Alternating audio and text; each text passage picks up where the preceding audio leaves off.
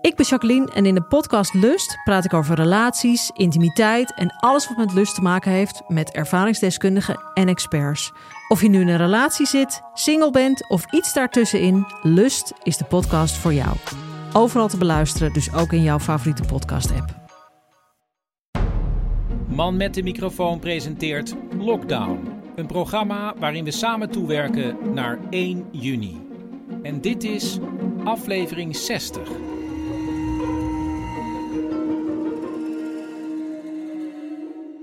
Buiten is het herfstig. Je zou kunnen zeggen herfsttijd der middeleeuwen. Op de bank zit ik Chris en Paulien te wachten totdat het acht uur is. En dan gaan we een film kijken met Joep. Een soort...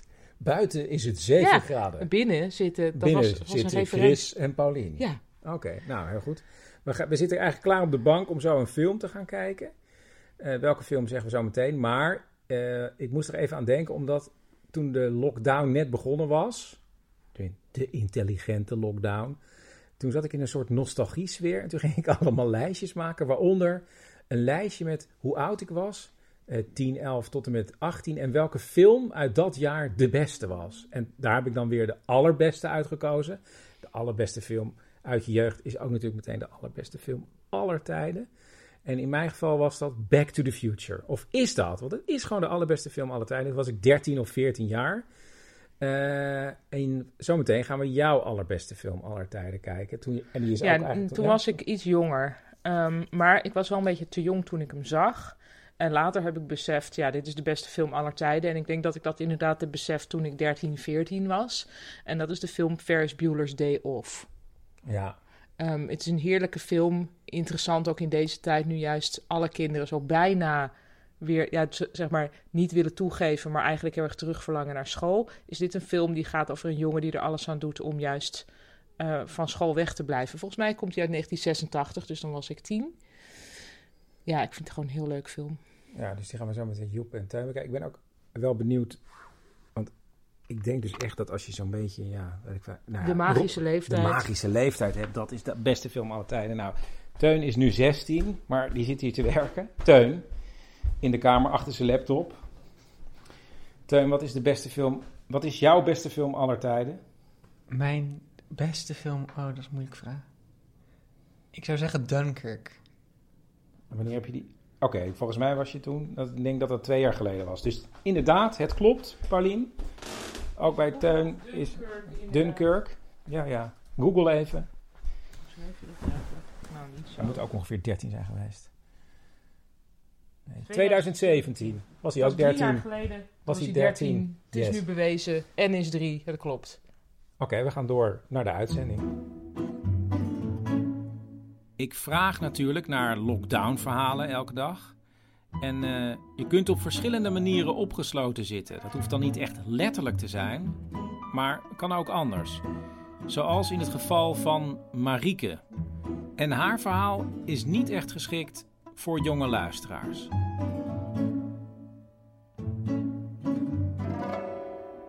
Ik was 24 en ehm, ik moet even vertellen, ik ben een heel outgoing eh, persoon, weet je. Ehm, maak heel makkelijk contact met iedereen en eh, als ik iemand voorbij zie lopen, dan zeg ik, oh wat een leuke jas of broek. Nou, weet je, is heel outgoing.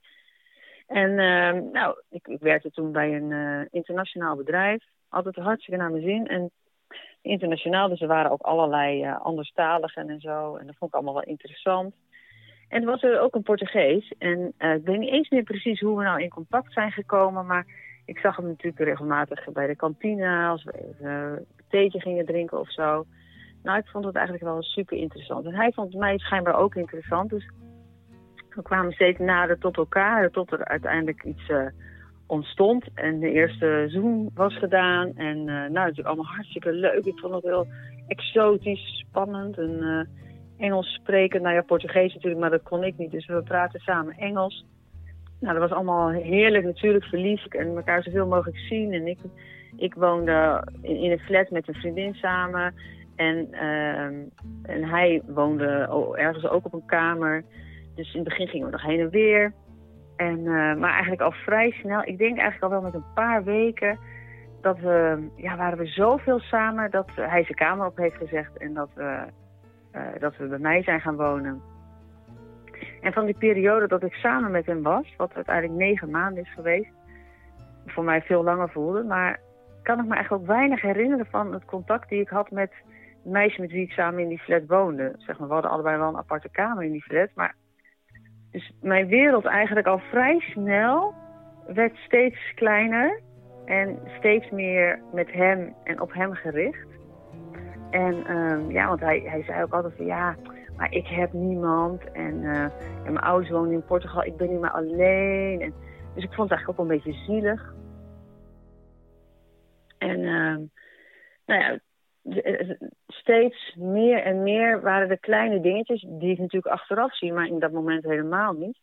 Waardoor ik steeds meer en meer opgesloten raakte in, in, in een bubbel die wij met z'n tweeën hadden.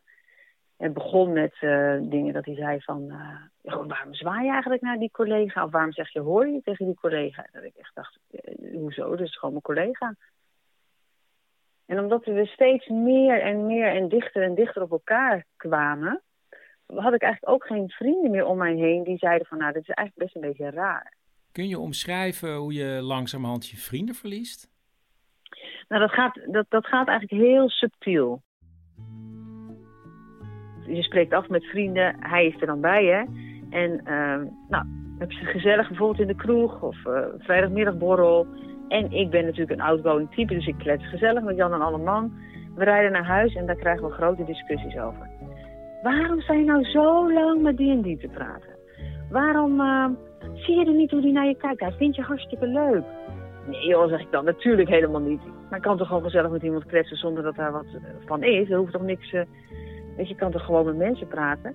Zo krijg je discussies. En, en omdat ik het gedoe niet wilde... ging ik mij dus eigenlijk dan... Dan kreeg ik weer een uitnodiging voor oh, ga je gezellig mee? Gaan we lekker de stad in? Of gaan we wat leuks doen? Oh, nou ja, ik krijg daarna weer eindeloze discussies over. Nou, weet je, ik, ik kan niet. Dus het begint, natuurlijk allemaal met smoesjes van dat je niet kan, niet wil of niet, dat het niet uitkomt. Ik heb al wat anders gepland. En zo langzaam, ja, heb je al zo vaak dan, op een gegeven moment zeg je dan zo vaak nee, dat je ook niet meer uitgenodigd wordt. En zo langzaam verdwijnt je sociale netwerk. En we werkten natuurlijk bij hetzelfde bedrijf en we woonden samen. Dus we deden alles. We waren 24 uur per dag waren we eigenlijk samen. En als dat niet zo was, kwam er eigenlijk altijd gedoe van. Ik ging, ik ging me ook anders kleden. Ik ging uh, aandoen. En uh, weet je, beide kleren waarin ik niet zo goed te zien was. Want, en ik, hè, wat ik al zei, ik ben natuurlijk eigenlijk een heel outgoing persoon. Met een hele open blik in de wereld. Dus mensen zijn ook geneigd om naar mij toe te komen. Maar ik dacht, ja, dat moet ik niet meer hebben. En daar was ik me helemaal niet bewust van, want dat groeit echt zo langzaam maar zeker, zeg maar. Dus ik ben eigenlijk ook steeds meer teruggetrokken uit mijn leven en eigenlijk dus ook uit mezelf. En mezelf eigenlijk steeds meer opsloot in mezelf, omdat ik dacht, ja, ik wil gewoon, ja, ik wil toch de goede vrede bewaren, ik wil niet te veel gedoe. En dan kwamen er steeds meer ruzies. En um, uh, hij, begon dingen te zeggen van, uh, you need to be more submissive. En ik dacht, oké, wat, wat is dat nou toch? Wat betekent dat nou toch? Nou, daar kwam ik achter, dat betekent onderdanig. Dus hij vond eigenlijk dat ik wel wat onderdaniger moest zijn. En uh, hij begon uh, uh, dingen als te zeggen als, als we ruzie hadden, dan werd hij woest. En dan zei hij van, nou, je vader had ook gelijk, je, je kan ook niks. Je, er is niet op je te bouwen, je bent er niks nut. Nou, en, en op de een of andere manier ja, voelde ik me dus schijnbaar dan... Ja, had ik ergens wel een gevoel dat hij dan... Ja, toch wel een soort van de waarheid sprak of zo. Dus ook omdat je niet, met niemand meer erover hebt... ga je nog haast geloven of zoiets. En die ruzies werden eigenlijk steeds en steeds erger. En, en, um, en wat ik dan meestal deed als, als die uh, steeds giftiger werden ze eigenlijk. En, en wat ik dan deed, wij wonen bij de IJssel in de buurt... Dus dan ging ik daar maar even heen om weer even tot rust te komen en te ontspannen. En nou, weer even zacht te worden en dan weer naar huis te gaan om het maar weer te zien goed te maken. Tot op een dag uh, we weer uh, knallende ruzie kregen en ik dacht, ik ga weer naar de IJssel. Maar nu was het zo, ik ging bij de IJssel zitten en uh, ik zocht het rustigste plekje op, dacht ik. Maar toen kwamen er allemaal van die jetskis langs en die gingen ook precies in dat stuk waar ik zat gingen ze maar de hele tijd heen en weer met dat knal en gedoe. Dus toen ben ik naar huis gegaan. En toen, uh, toen was ik bijna thuis en toen kwam hij er net aanlopen. En uh, nou, wij waren allebei nog boos en hij uh, zei iets van, ga maar vast of zo, ik kom eraan, ik weet niet. Dus ik ben gewoon teruggegaan naar, naar het flat waar ik toen woonde. Ik kom thuis en ik, ik had nog schijnbaar niet gegeten, dus ik, ik smeer een boterham met sandwich spread, dat weet ik dan allemaal wel weer goed. Ik ging op ons bed zitten en ik, ik ga die boterham opeten. En hij komt uh, de flat binnen, hij doet de deur open. Hij zegt niks. Het enige wat hij deed is, um, hij maakte met zijn vinger zo'n uh, kom hier beweging. En, en met zijn hand een beweging van de sleutel. Dus hij wilde dat ik hem de sleutel gaf, maar hij zei niks. En uit, uit automatisme pak ik die sleutel. En ik heb hem in mijn hand en ik wil hem aan hem geven. En ik denk, ik ben ook gek ook.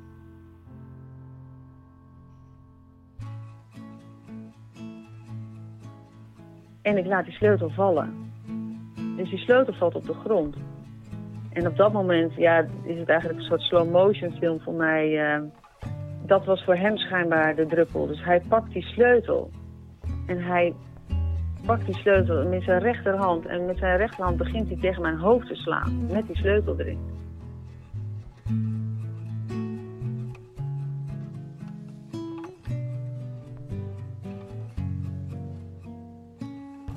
op mijn oor, op mijn nek, naar mijn schouder en mijn rug. En hij slaat en hij slaat. En ik val zeg maar schuin op het bed. En op een gegeven moment stopte hij heel even. En op het moment dat hij stopt, ik word woedend en ik wil opstaan en ik smijt dat bord, die had ik nog op mijn schoot, die smijt ik op de grond. Schijnbaar schrok hij daarvan. Dus hij haalt uit en begint me weer te slaan en te slaan. En het was zo gek lag daar. En ik dacht, dit is wat raar. Het was alsof ik naar hem lag te kijken. En het was net, ja, ik kan het niet uitleggen, maar het was zo gek. Alsof ik dat niet was of zo. En vanuit het niks begon ik in één keer heel hard te roepen: It's over, it's over, it's over. En um, dus ergens diep van binnen voelde ik gewoon van ja, nu ga je over mijn grens. En op het moment dat ik dat roep, schreeuwt hij van... Uh, I don't even want you anymore. Ik wil je ook al niet eens meer. En hij draait zich om en loopt weg. En ik kom overeind en ik dacht echt... Wat is dit? Het was zo bizar. En toch was dat eigenlijk het moment dat die bubbel uit elkaar spatte. En ik, die vriendin die ik, bij wie ik in huis woonde, vanaf dat, toen kwam zij ineens in beeld. En ze zei, wat is er gebeurd? En ik zei, hij heeft me gewoon in elkaar geslagen. Ik, ik zei, ik moet weg hier. Ik heb mijn zus gebeld. Ik dacht, wat moet ik nu doen? En ik dacht, het enige wat ik nu kan doen is iedereen vertellen. En uh, nou, dus wat ik heb gedaan, ik ben naar mijn zus gegaan. En ja, tegenwoordig zou je gelijk foto's maken met je mobiel en zo. Dat was toen nog niet, dus daar hebben we niet eens aan gedacht. Maar ik vond het helemaal, je kon overal zijn handen en zijn vingers op mijn hele lijf zien. Het was heel lief, het was heel fijn. De volgende dag ben ik naar mijn werk gegaan. Maar hij werkte daar natuurlijk ook. En uh, ben gelijk naar mijn baas gegaan en ik heb gezegd... Uh, weet je, dit is er gebeurd. Hij heeft me in elkaar geslagen. Ik dacht, ik moet, dat, ik moet het zeggen zodat mensen het weten. Dat ik niet meer terug kan. En waarom ik dat dacht, weet ik niet. Maar ik ben daar heel blij om. Want ik ging smiddags weer terug naar mijn zus. En mijn zus die zei, eh, die had een andere zus erbij gehaald. En die zaten daar als een soort front. En die zeiden, je moet aangifte doen bij de politie.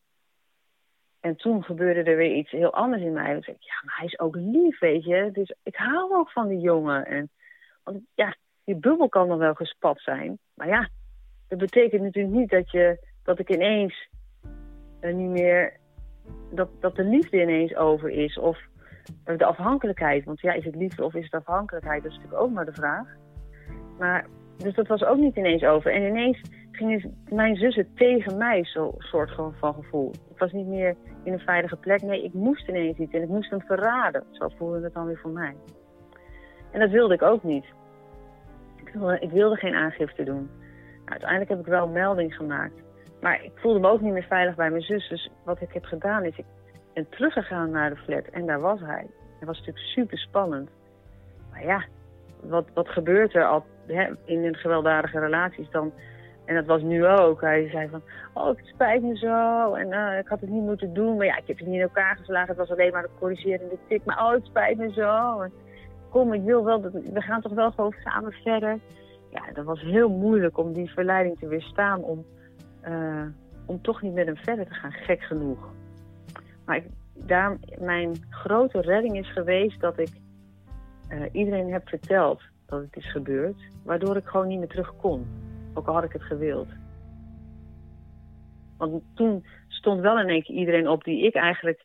Ja, het contact met wie ik eigenlijk niet meer had met vrienden en familie en zo. Die stonden ineens wel allemaal op van... Ja, dit, laat je niet gebeuren. Dus het was een uh, hele intense ervaring... waarin ik echt opgesloten zat in een relatie en in mezelf. Waardoor ik op deze manier gelukkig uit heb kunnen breken. Mm. En, en, ik denk dat je dit ook nog jarenlang met je meedraagt. Ja, nou, ik heb, ik heb toen, toen, nadat dit is gebeurd, heb ik echt tegen mezelf gezegd: Oké, okay, Mariette, je moet nu echt geen relatie hebben. Je moet, er is schijnbaar een groot stuk wat weer opgelost moet worden. Dus ik heb vijf jaar lang geen relatie, niks met een man gehad. En uh, echt om, ja, om dit stuk door te werken. En uh, ja, dus het heeft echt heel erg lang geduurd. En eigenlijk speelt het nog steeds al mee, weet je. Ik, ik, kan nog steeds, als ik uh, s'avonds door een guur steegje loop of iemand tegenkom, een man of zo. Dan, ja, dan ik, ik denk wel van, ja, hij is wel sterker dan dat ik ben. Weet je wel, zo. Dus er is altijd wel een, niet altijd, maar met momenten is er altijd nog wel een soort angst. Ja. En hoe gaat het nu met je? Ja, ja. Nou, ik ben, ik wil, ik wil zeggen, gelukkig getrouwd. We zijn niet getrouwd, maar uh, ik ben tien jaar uh, met uh, Robert, mijn partner. En we hebben dus twee prachtige dochters. Ja, ik heb mijn plek gevonden en dan ben ik, ik ben heel gelukkig. Ja.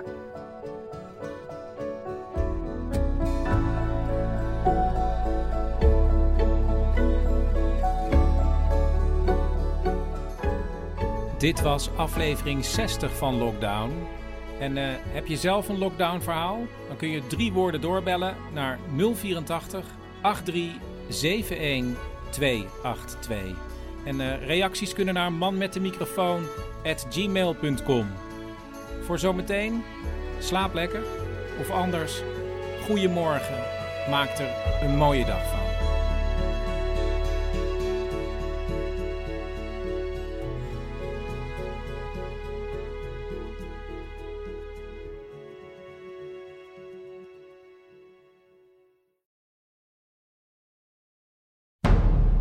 Met de microfoon presenteert Lockdown. Een programma waarin we samen toewerken naar 1 juni. En dit is aflevering 61.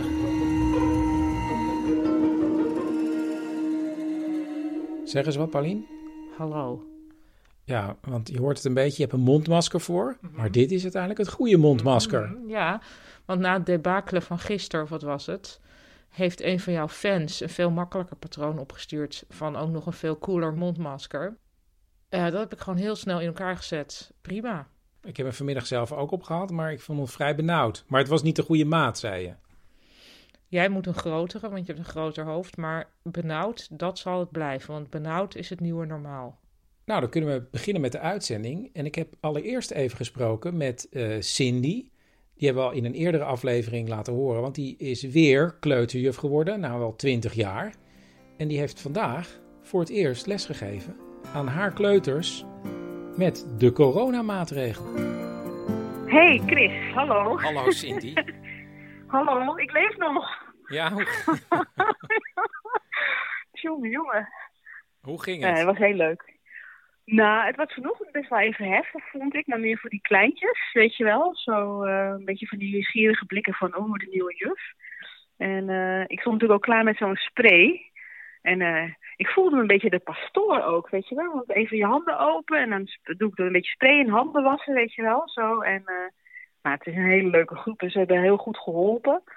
En ze nemen het handen wassen heel serieus. Dat is gewoon aandoenlijk, vind ik. Stond er echt eentje naast te tellen tot twintig. Maar hoe ziet je klas eruit? Want Wiek is nog niet naar school vandaag. Ik vraag me maar, zit jij achter een scherm, een plexiglas scherm? Mag je ze aanraken? Eh, Nee, ik zit niet achter een eh, plexiglas eh, scherm. En ehm, ja, officieel mag ik ze niet aanraken, maar dat doe je per ongeluk toch. Ik bedoel, dat, valt ook niet te, te voorkomen. Want er was een jongetje bijvoorbeeld en die kreeg zijn rits niet goed dicht. Die zat helemaal vast in zijn voering. Ja, dat krijgt een kleuter niet voor elkaar. Ja, juf Cindy kreeg het trouwens ook even niet zo gauw. Maar, ehm, maar ja, dan heb je dus al contact met zo'n kind. En het meisje wat in de huishoek aan het spelen was, die zei, kom juf. En die pakte zo mijn hand. Ja, dat doe ik ook niet van, dat mag je niet doen. Maar dan was ik daarna wel mijn handen. Maar jij was voortdurend je handen dus. Nou, ja, nou, voortdurend wil ik niet zeggen, maar die kleuters ook, hè. Want die kleuters komen dus binnen met die spray. Eh, dan eh, voor het eh, eten en drinken, dat deden ze normaal ook al handen wassen. Maar ook na het buitenspelen, nu voor mij hebben we drie handenwasmomenten. En dat is best wel veel, want het vertraagt de boel wel behoorlijk. Omdat ze het heel serieus doen. dat is ook heel goed. Maar ik dacht wel, oké, hier moet ik nog even iets voor verzinnen dat het even... Het, het is ook maar één kraantje, weet je wel. En ze staan gewoon geduldig te wachten. Nou, dat is eigenlijk zoals het hoort natuurlijk. Dat is fantastisch. En hoeveel kinderen heb je Maar- in de klas? Ik had er vandaag 15. Oh. Ja. En die moeten allemaal hun handen wassen achter elkaar. Juist. Dan ben je Precies. tien minuten Ja, omdat verder. Ja, omdat je ook allemaal eh, tegelijk inderdaad gaat eten en drinken. Eh, morgen is, heb ik natuurlijk precies dezelfde dagindeling, maar dan met de andere helft van de groep. Dus dan weet ik nu een beetje waar de knelpunten zitten in zo'n dag. Dus dan eh, zal ik misschien eerder zeggen van eh, als je je handen hebt gewassen, lees je even een boekje. Maar ja, daar zitten ook weer eh, bacteriën aan, denk ik dan. Dus we moeten misschien gewoon echt even geduld hebben. En eigenlijk hebben die kleuters meer geduld dan ik. Ik denk dan, och, in deze tijd hadden ze ook dit of dat kunnen doen. Dus dan moet ik even iets meer rust voor mezelf inbouwen, Nou, goed. denk ik. Nou, dankjewel. Ja. En veel Alsjeblieft. succes nog deze week. Ja, dankjewel. Yes. En jullie ook, hè, met Wiek en zo. Ja, oké, dankjewel. Joe, doeg. Ik werd gebeld door Hester met wat ze zelf zei een gênant verhaal. En ze vroeg of ze het misschien onder een andere naam mocht vertellen. Nou, dat mocht wel. Want Hester is niet haar echte naam. Ik ben ooit getrouwd geweest met eh, een man uit Venezuela. En eh, wij zijn getrouwd in Venezuela om de hele procedure voor zijn verblijf in Nederland eh, wat makkelijker te maken. Dus ik ben in mijn eentje met bruidsjurk en al op het vliegtuig gestapt naar Venezuela. En zijn familie die woont in Cabimas. Dat ja, is nog een stukje vliegen vanaf Caracas. En zij wonen echt in een super armer gedeelte. Dus je moet je even voorstellen bij hun thuis. Dat is een heel klein huisje, betonnen vloer, klein kamertje waar het keukentje en de woonkamer in zit. Heel klein badkamertje en twee slaapkamers daar tegenover. Dus eh, heel avontuur. Ik ben daarheen geweest en eh, alles voorbereiden voor de bruiloft. En het werd echt een Venezolaanse bruiloft met mariachis, veel drank, buitenfeest, veel familie, alles erop en eraan. Wat zijn mariachis? Mariachis is zo'n eh, typische Venezolaanse band die ook wel eens op film ziet. Weet je, als je zo'n drugskartelfilm ziet, zie je altijd van die mannetjes met gitaar. Free Amigos. ja, dat. Maar dan nog wat groter.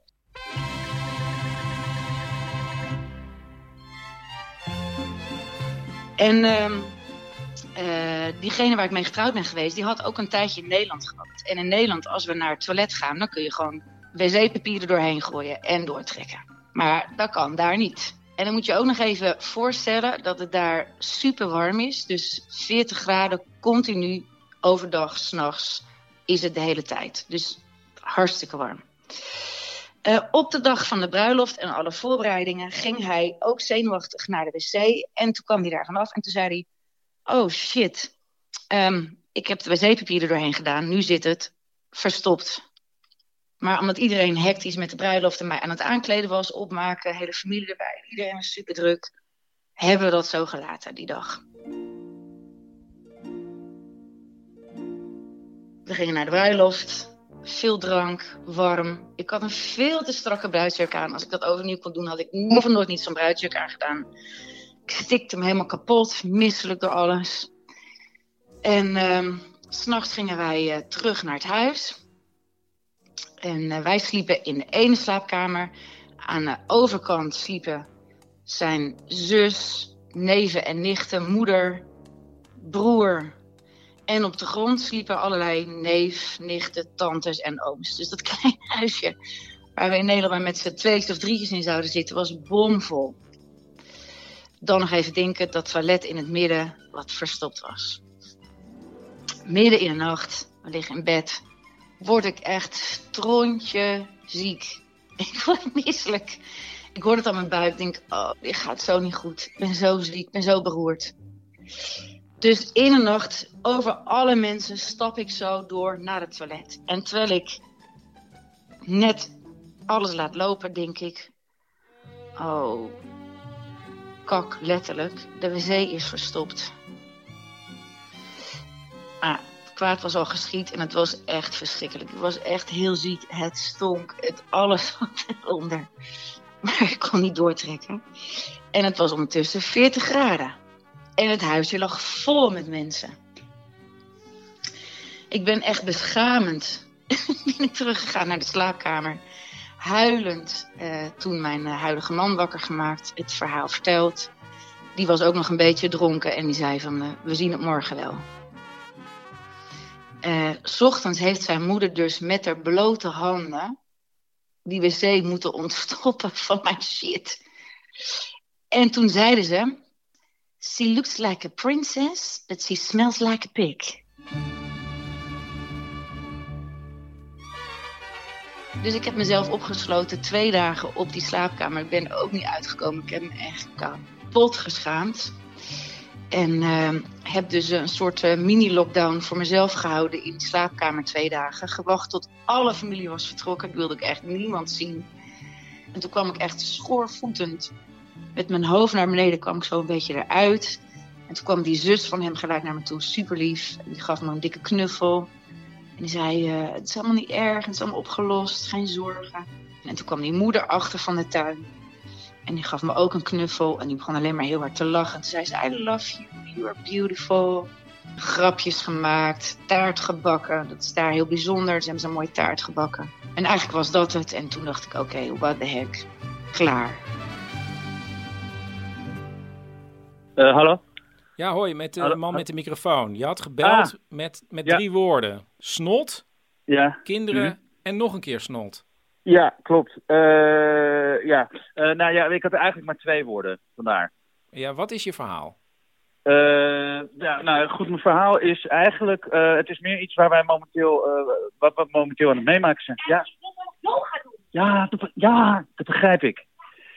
Goed, nee, het zit zo, we hebben er allemaal nu twee maanden op zitten en, en met twee kleuters hier thuis. En dus je begrijpt eigenlijk dat we er redelijk, nou eigenlijk helemaal doorheen zitten. Ja, dat is de man met de microfoon. Uh, en nu mogen ze weer naar school in principe, maar uh, uh, niet als ze verkouden zijn of snotterig zijn. En snotterig, dat zijn ze dus ja, altijd. Omdat ze dus huisstof ja, weet je, doe jij het even, doe jij het anders even. Ja, nou, prima. Hallo? Ja, hoi. Met wie spreek Hi. ik nu? ja, met Ellen, nu de moeder. Nou, we zitten dus hier weken al met z'n vieren. de tweeling is, is zes. En we komen gewoon helemaal nergens meer aan toe. Oh. Um, ik hoor niet. Ja? Hallo, kijk dan even. Ja, ik ben toch nu aan de lijn. Kijk dan. Nou, we, um, we leven uh, heel erg toe naar, naar, naar, naar die scholen weer open, naar die 11 mei. En nou dit, en, en dan zijn ze alle twee verkouden. En, en misschien is het, ja, ik weet zeker dat het allergie is, maar ze mogen dus niet, hoe dan ook. En, en wij worden daar gek van, Chris. Echt helemaal gek. Ja, jeetje. En is het ook nog een tweeling? Jongens! Zet ze dan op de trampoline. Ja, en dan naar de eerste hulp zeker? Oh, rustig. Hebben ze eigenlijk wat gegeten? Weet je, ik heb toch boterhammen klaargezet daar? Ja, boterhammen waar? Nou, de boterhammen die hebben ze achter de verwarming gekieperd.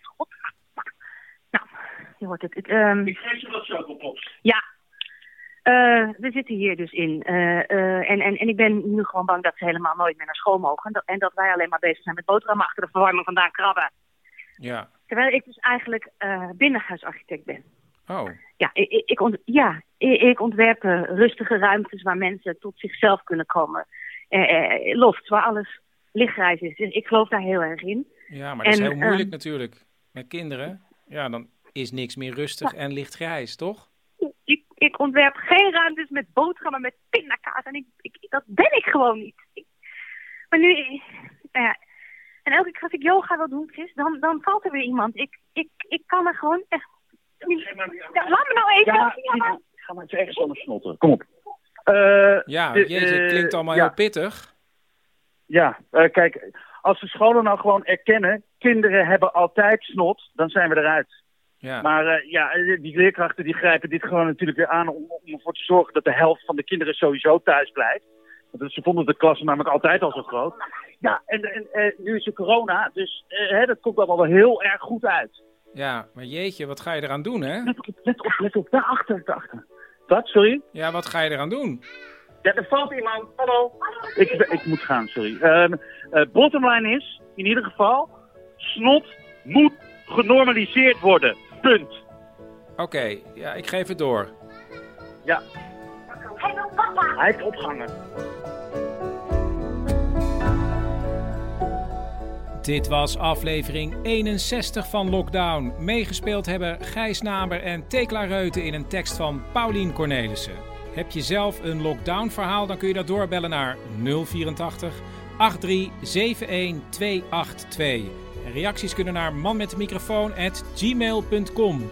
En voor zometeen, slaap lekker. Of anders, goedemorgen. Maak er een mooie dag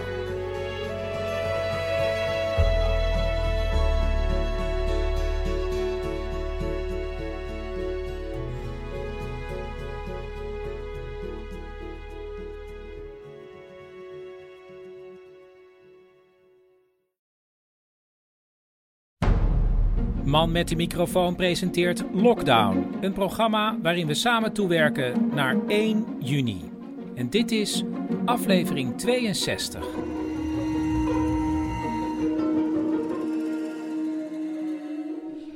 We doen even een korte inleiding, Paulien. Ehm, volgens mij gaat het er vooral om dat we gisteren hebben gezegd dat jij volgens een nieuw patroon mondkapjes hebt gemaakt. Dat was veel makkelijker. Dat is veel makkelijker. En vervolgens krijgen we allemaal mails. Wat is dat patroon dan? Ja. En dus zeg ik nu alvast, in de show notes staat een verwijzing naar het patroon van ja, een heel mooi mondkapje. Nou, mooi. Ja, wel, binnen de mondkapjes vind ik dit een heel Nou, strak en en door jou is een- fantastisch mooi gemaakt dat is mondkapje. heel lief van je. Maar inderdaad, de toevoeging binnen de mondkapjes Business, is wel belangrijk. Ja. Oké, kunnen we nu beginnen met de uitzending? En we beginnen met Wiek. Jee. Een beetje van Wiek. We zijn aan het fietsen. We staan even uit de wind. En jij hebt een weetje. Het is eigenlijk maar een heel kort weetje. Maar het is wel leuk, want ik ben in de speeltuin geweest. En opeens durfde ik veel meer dingen. En, eh, en toen ging ik gewoon zelf alles doen. Zelfs de heel hoge dingen durfde ik. En hoe komt dat dan opeens? Weet ik niet. Misschien omdat ik groter ben geworden. Dan zou dat het weetje kunnen zijn. Dat Ja. als je groter wordt, dat je dan meer durft. Ja. En wat durf je nu allemaal? Ik durf bijvoorbeeld op een kring, kijk wat er eerst heel laag begint. En dan wordt het bijna zo hoog als een top van een, gewoon een berg. En ik durf ook tegen glijbanen op te klimmen. Nou, en eigenlijk was dat het. Hé, hey, nou, dank je voor je weetje. Graag gedaan.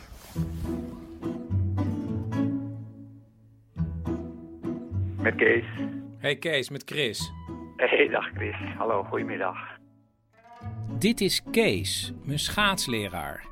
En hij heeft in zijn leven wel een bijzonder lockdown-verhaal meegemaakt.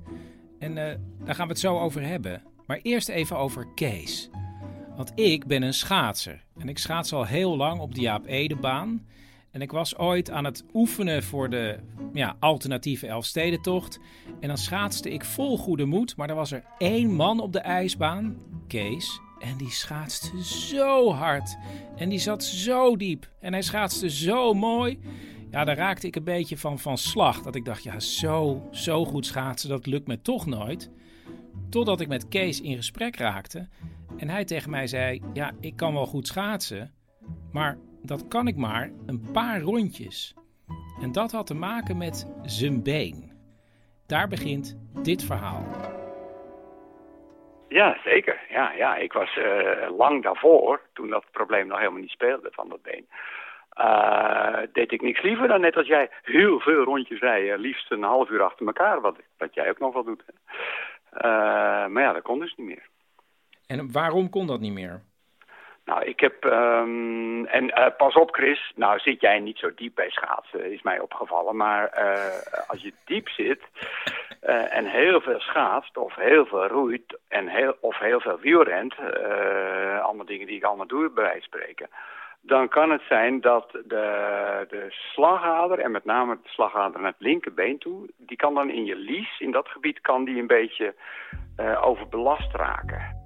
En dat betekent dat als je heel hard rijdt, dat je dan al na een paar rondjes heel veel pijn krijgt. En nu was het eind jaren 90 en toen was er inmiddels een oplossing verzonnen voor dit probleem. De oplossing zou zijn opereren. Uh, die operatie stond ook gepland op uh, begin mei 2000, dus uh, 20 jaar geleden nu. maar ondertussen zou ik er goed aan doen, volgens de arts, om op een lichtfiets te gaan rijden. En Kees ja, is natuurlijk nooit te beroerd om veel te bewegen. Dus hij leent een super deluxe lichtfiets en gaat heel veel fietsen met zijn vrouw. En ook op de bewuste dag. Ja, en we, kijk, eigenlijk altijd als ik ga fietsen, ga ik ook meestal gewoon een verrekijkertje in mijn rugzak. Dus ja, dit was een fietstochtje, maar ook een soort vogelkijktochtje. Nou, we gaan fietsen. Uh, hier bij mij om de hoek de Amsterdamse brug op, over het Amsterdam-Rijnkanaal. Nou, dat ging nog net goed. tweede brug, hoe heet het, de Schellingwoudenbrug is dat dan.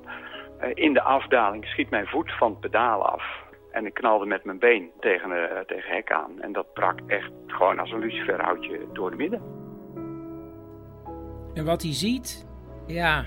Uh, botten staken zo door de huid heen. En dat was ook meteen het probleem. Want die botten waren dus in aanraking gekomen met straatvuil. Om niet naar zijn been te hoeven kijken, kijkt hij naar de lucht. En wat zie ik daar in die blauwe hemel boven? Ik zie daar zo'n buizerd, zo'n grote gierachtige roofvogel, uh, zie ik daar rondjes draaien. En ja, ik, ik, ik had heel veel pijn, maar misschien dat dat dus voor zo'n stoot adrenaline zorgde. Dat ik, uh, ja, het leek er wel alsof die buizerd, alsof die ook heel dichtbij was. Heel gek. Ik had er echt een soort contact mee. Hij hoort ook de gesprekken van de toegesnelde hulpdiensten. Nou ja, volgens mij horen ze dat nooit te doen. Maar ik ving wel op dat de, de helikopterpiloot die zoiets gezegd had van... nou, dat been, dat zal er wel af moeten. Zoiets. Kees wordt naar het ziekenhuis gebracht. En daar krijgt hij, omdat zijn hele been in scherven ligt van binnen... een soort kooiconstructie om zijn been. En dat ding buiten je been, externe fixateur, die fixeert je been. Dus dat het been weer op een been lijkt. En dan is vervolgens de bedoeling dat die botten weer uh, aan elkaar gaan groeien. En dit proces wordt nauwkeurig in de gaten gehouden in de maanden na het ongeluk. Soms leek het alsof die botten weer, alsof er botgroei was. Dat konden ze dan min of meer zien aan, uh, aan de foto's die ze maakten. Uh, maar dan ging het ook weer helemaal mis. En dat, dat, dan, dat kwam dan vooral door die bacteriën die daar maar in die botten bleven stoken.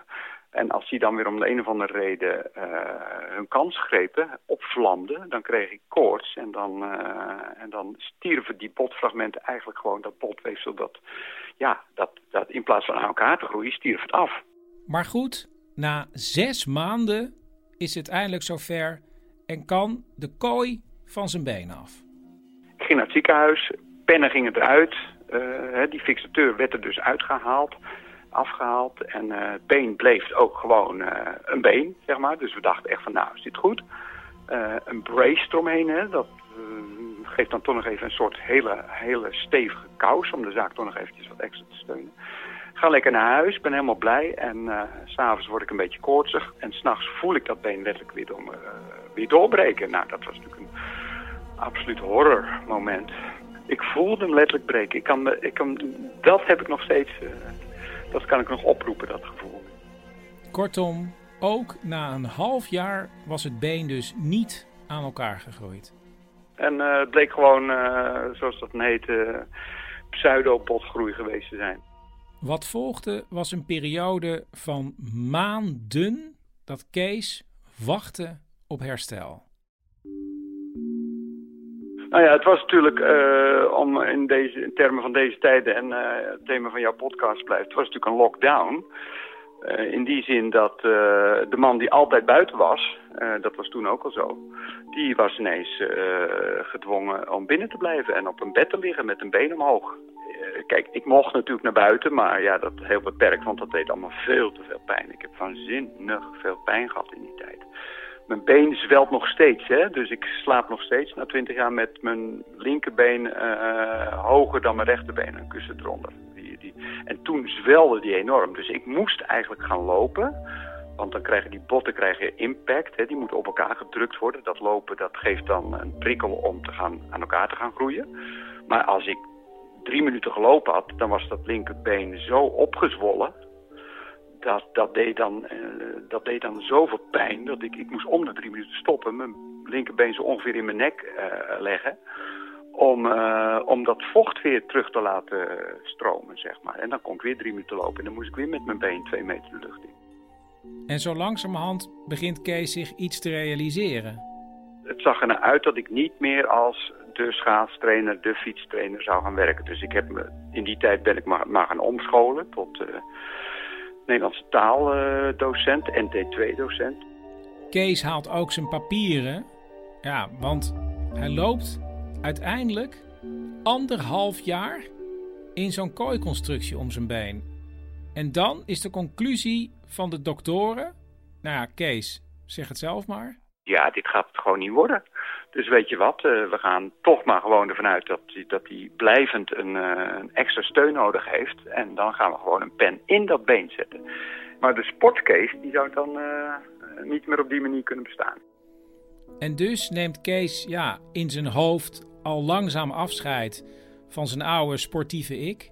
En richt zich op een nieuwe carrière als tweede taaldocent. En hij bereidt zich voor op de operatie. En uh, ja, dan moet je dus in de aanloop naar die operatie moest natuurlijk moest die, moest die externe fixateur, die pennen moesten eruit gehaald worden. Ja, en dan zou ik een paar dagen na dat uh, moment zou ik, dan, uh, zou ik dan geopereerd gaan worden, zou die interne pen erin gaan. Ja, die, die, die pennen gaan eruit en dan luidt ze de arts, die voelde voorzichtig wat aan mijn been. En hij verwachtte dat dat been mee zou geven, omdat het niet aan elkaar gegroeid zou zitten. En ik herinner er zijn een paar momenten in die periode die ik me echt nog heel goed herinner. Dat was natuurlijk die ene keer dat het been weer brak. Maar dat, was, ook deze keer dat ik de ogen van deze man zo ongeveer uit zijn kassen zag puilen. Want geheel tegen zijn uh, verwachting in bleek dat been heel te zijn.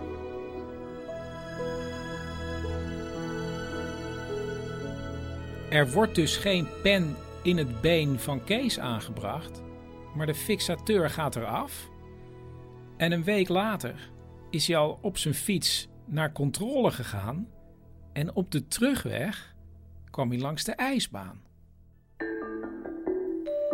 En ik had toch al wel stiekem de sleutel van mijn hok meegenomen. en ik dacht, ja, mijn schaatsen liggen er toch gewoon, weet je wat? Ik ga gewoon schaatsen.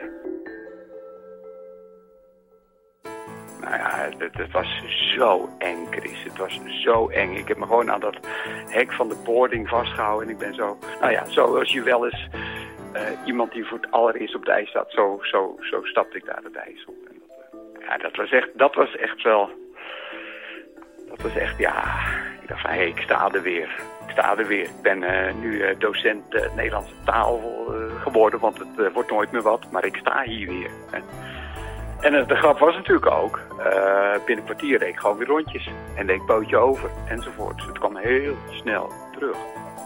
En toen kwam het allermooiste. Ja, ik, ik vind dit het allermooiste. Er kwam natuurijs. Januari 2002. En dan kunnen mensen wel zeggen, Kees niet doen. Maar ja, natuurijs. Dus Kees gaat schaatsen. En ja, ik was zo blij. Daar ging ik echt helemaal los. En het was heel terecht dat ze zeiden, man, je bent gek, wat ben je nou aan het doen? Weet je wel, ik, ik sprong gewoon weer over scheuren heen. Uh, nou ja, al die grappen die ik altijd op natuurreis uithaalde. Maar dat is het allermooiste wat er is, toch, Kees? Dat was zo prachtig. Dat was zo bevrijdend. En eh, ja, ik lachte die jongen, ik lachte die mensen dan natuurlijk groot gelijk, maar ik lachte natuurlijk gewoon hartstikke uit. Want ik was zo euforisch dat dat allemaal weer kon. En het ging ook allemaal goed trouwens. En in oktober staan we allebei weer op de ijsbaan. Ik met mijn vele rondjes. En dan is er ook die man die heel mooi, heel diep en heel snel schaatst. En het zijn maar een paar rondjes vanwege die slagader in zijn been. Maar het is wel de man die het meest geniet dat hij kan schaatsen.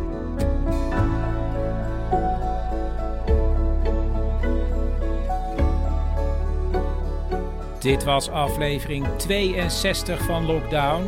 Heb je een eigen lockdown verhaal, dan kun je drie woorden doorbellen naar 084 8371 282. Reacties kunnen naar manmetdemicrofoon@gmail.com en laat ook sterretjes achter in de iTunes Store, want dat helpt ook altijd. Voor zometeen, slaap lekker. Of anders, goedemorgen.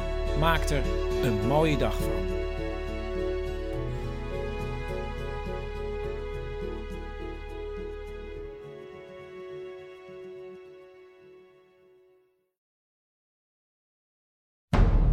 Man met de microfoon presenteert Lockdown. Een programma waarin we samen toewerken naar 1 juni. En dit is aflevering 63.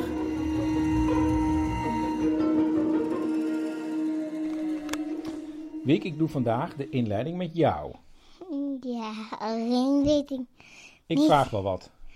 Ja. Wat is er vandaag gebeurd? Onze buurman was jarig, En hoe heet onze buurman? John. En wat, wat doet John? Die drumt. En soms, als hij me ziet, dan geeft hij me een banaan. En hij was jarig, Hoe oud werd hij? 85. En toen heb ik een banaan gemaakt met twee kleine banaantjes erop. En in het midden 85 erop staan. En dat was helemaal mooi geel. Je hebt een tekening En, gemaakt, hè? Ja. en daar stond bovenop voor John. En dat was het cadeautje voor John. Want vanmorgen was John jarig. Ja. En toen hebben we dat gevierd. En vanmiddag kwamen er opeens allemaal muzikanten de straat in lopen. Hè? Ja, want onze buurman is John Engels. En dat is een grootheid in de jazzwereld. En een hele lieve buurman. En vandaag kwamen er andere grootheden uit de jazzwereld voor hem muziek maken in de straat. Of nou ja, voor hem, met hem. Want binnen no time stond zijn drumstel buiten en maakten ze met z'n allen muziek. En zo werd onze straat opeens stiekem een jazzcafé. Met meer dan 30 mensen, maar wel op anderhalve meter afstand. En het stralend middelpunt was natuurlijk John, die, nou ja, minstens 40 jaar jonger leek. En ik had hem wel gesproken de afgelopen week. En ik zei: John, kan je niet op afstand spelen? Eh, met Zoom of zo. En dat vindt John helemaal niks. Want hij wil naast de mensen staan als hij met ze speelt. En dat kon vandaag dus. En het gekke was, iedereen ontdekte opeens dat hij iets gemist had de afgelopen tijd. En het was weer even terug.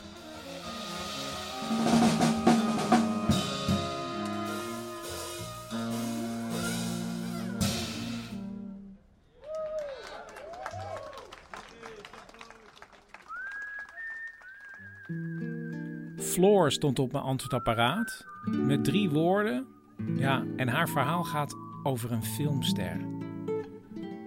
Zo'n eh, bijna twintig jaar geleden was ik producer voor de VPRO. En toen werd ik gevraagd om als producer mee te gaan naar het filmfestival in Cannes. Hmm. En wat doet een producer dan? Ik was eigenlijk het meest bezig met bandjes heen en weer fietsen, dingetjes regelen, eh, desnoods broodjes halen. Of...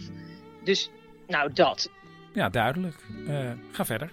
Dat festival bestaat dus uit een paar hele grote premières met rode loper en alle shit eromheen. En eh, die, een bepaalde dag zou dan de première zijn van, ik heb het nog even opgezocht, want ik wist het niet meer, Troy. Ah, met Brad Pitt. En oh ja, zal ik nog wel even uitleggen. Zo'n producer moet ook voortdurend kaartjes halen voor filmvoorstellingen, maar ook kaartjes voor de rode loper van een film die vertoond wordt. En Floor moest dus een kaartje proberen te regelen voor de rode loper van de film Troy. Of nou ja, het is natuurlijk meer Troy. In een of andere zaal stond ik in de rij om dat kaartje op te komen halen voor de Rode Loper. Althans, als ik er eentje mocht hebben. En toen uh, was net de persconferentie bezig van die film. En dat bleek in een zaal aangrenzend aan de zaal waar ik stond. Maar wat bleek later? Aan de andere kant van de zaal waar ik stond, dus aan de ene kant had je een deur naar de persconferentie en aan de andere kant had je een deur naar de tuin waar de fotocall zou zijn. En ik sta in die tussenzaal en opeens was er paniek bij de Fransen. Ik stond daar nog met zes mensen, de anderen waren allemaal al klaar. En die Fransen, ja, allemaal in hun uh, oortje praten, alle beveiligers. Van ja, oh, paniek, dit kan niet, het gaat mis. En ja, gedoe, uh, ja, jullie moeten hier nu weg. weet ik veel. Wij echt, we kunnen nu niet weg. Ik heb dat kaartje nodig voor die rode loper vanavond. Dus wij sputterden een beetje. Toen kwamen ze aan met vier of vijf van die gouden paaltjes. Die zetten ze om ons heen. Dus ja, je moet je voorstellen, wij waren een groepje haveloze producers die zo bij zo'n balie in de rij stonden te wachten. En daar werd opeens een soort lockdown, want zo kwam ik erop, een soort koordje omheen gelegd. Van nou ja, dan moet je maar hier blijven, maar dan mag je ook nergens meer heen. Ze werden ook streng aangekeken en ze kregen een instructie. Jullie zijn er wel, maar je bent er eigenlijk niet. En je mag ook niet erheen en je mag niks doen. En ja, mag niks doen. Ja, wat wil je ook doen? En toen, nou ja hoor, daar kwam het dan. De deur ging open van die zaal van de persconferentie. Daar zagen we ook nog pers in die zaal een beetje roepen van... Ja, maar Brad Pitt, how about? Uh, wil ze nog wat weten? En Brad Pitt komt binnenlopen, omringd door die beveiligers. En ja, die ziet een lege zaal, stel ik me zo voor. En daar zo'n beetje aan de zijkant zes mensen die in een soort tuintje staan met rode linten eromheen, van die koorden. En ja, wij gingen dan, we hadden ons dan maar wel omgedraaid. Dus niet met de rug naar hem toe, maar wel omgedraaid in ons kleine tuintje. Uh, ja, gingen we dan toch maar naar hem kijken. Maar het leek erop dat hij dacht dat het misschien een soort unieke meet and greet was. Dus uh, hij kwam heel opgetogen en vriendelijk op ons af.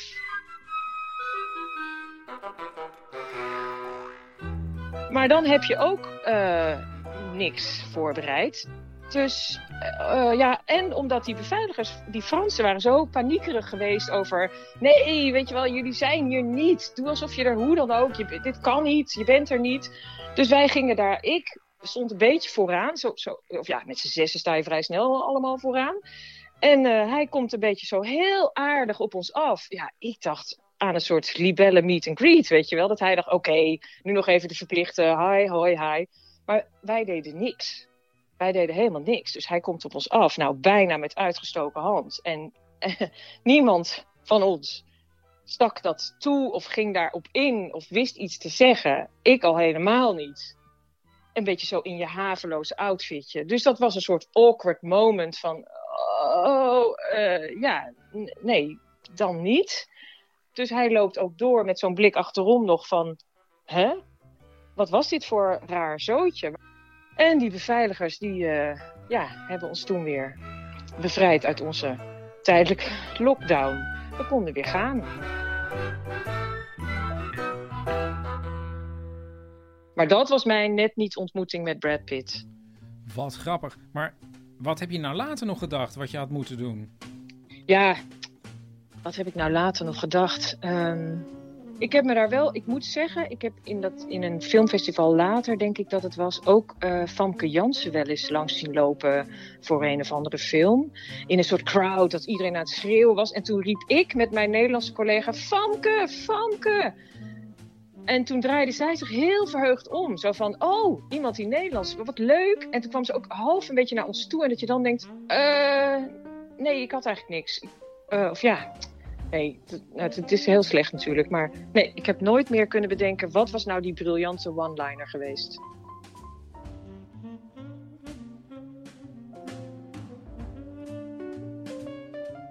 Independent Supermovies, de Netherlands met George Bennebroek. Met wie spreek ik? Ja, je spreekt met de man met de microfoon. Ik had jullie persberichten gekregen. Ja, of ja, was het een, was het een persbericht? Uh, ja, het was zeker een persbericht. Sorry, waar, waar ben jij van? Uh, de podcast Man met de microfoon. Oké, okay, ja, wacht even. Ik doe alleen tv en de echte radio. Wacht hoor. Casimir! Casimir! Uh, man, man, man, de podcast. Uh, Chris. Wacht even, Chris, ik verbind je even door. Independent Supermovies Europe met Casimir Bennebroek. Ja, hallo, met Chris van uh, Man met de microfoon. Ik begreep al het een en ander, Chris. Leuk dat je belt. Ja, ik begreep jullie persbericht niet helemaal, maar het was iets met Harrison Ford en dat dat niet doorgaat. Corona. Corona? Wij zouden een hele grote film maken. Echt, echt heel groot. Huge, huge. Maar je begrijpt, dat gaat nu even niet door. Alle begrip voor natuurlijk, anderhalve meter. En Harrison is ook een kwetsbare oudere, 13 juli 1942. Die wil je niet tussen zes planken van je set afdragen, hè? En, en wat voor een film was het? Die jullie gingen maken? Uh, uh, wat voor een film? Uh... Laat mij maar even. Chris? Ja, wat voor een film gingen jullie maken met Harrison Ford? Ja, uh, een actiecomedie, Treasure. Nee, uh, Pressure, met een P. Het is een mix van Oh Brother, Where Art Thou en Indiana Jones. Beetje, ja, beetje, beetje Spielberg meets uh, Coen Brothers, zoiets. Ja, de Bennebroek Brothers. Goede dialogen, mooie beelden, veel spektakel. Ja, en wanneer hoorden jullie dat het niet doorging? Dat was gisteren, definitief, ja. Gisteren pas? Ja, ja, toen hadden we via, via de agent van iemand aan de lijn die de agent van Harrison dan weer kent min of meer. En die zei dat Harrison dus helemaal stil ligt in verband met de corona. Ja, Harrison Ford. Ja, die man is heel professioneel. En dan niet op het niveau van blauwe M&M's, hè. Hadden we heel graag op de set gehad, maar ja. Ja, hey, ik zit in de gauwigheid ook even op jullie uh, website te kijken. Uh, op, op onze website. Independentsupermovies.com. Ja. De Bennebrook ja. Brothers. Het heeft wel iets van een oude Hives pagina. Ja, ja, nou ja, dat, dat, dat, dat is oldschool. Hè? Zegt hij? Onze website lijkt op een Hives-pagina. Ja, uh, we zijn een internationaal filmbedrijf, geen Google of zo. Ja. Kijk, wij hadden deze film helemaal aan Harrison opgehangen. En dat telt toch? Ik bedoel, Johannes de Stegen zou ook met Stanley Kubrick gaan werken. En dat weet ook iedereen. Ja, hey, dus dit met Harrison Ford. Ja, nu dat niet doorgaat, blijft jullie laatste productie, zie ik, tante Liesbeth en oom Harry 25 jaar getrouwd. Nou, uh, begin april hadden we ook nog een project met uh, Bruce Willis dat niet doorging. Maar er was geen aandacht voor in de pers. Nou ja, in ieder geval bedankt. Nou, graag gedaan.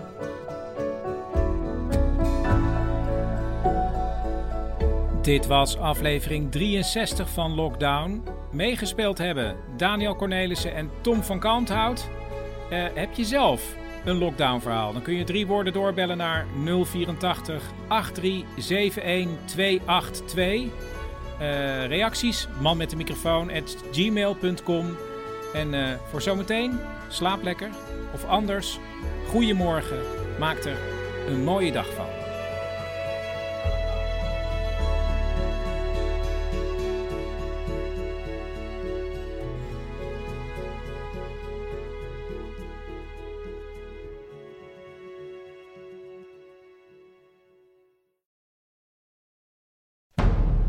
Met de microfoon presenteert Lockdown, een programma waarin we samen toewerken naar 1 juni. En dit is aflevering 64.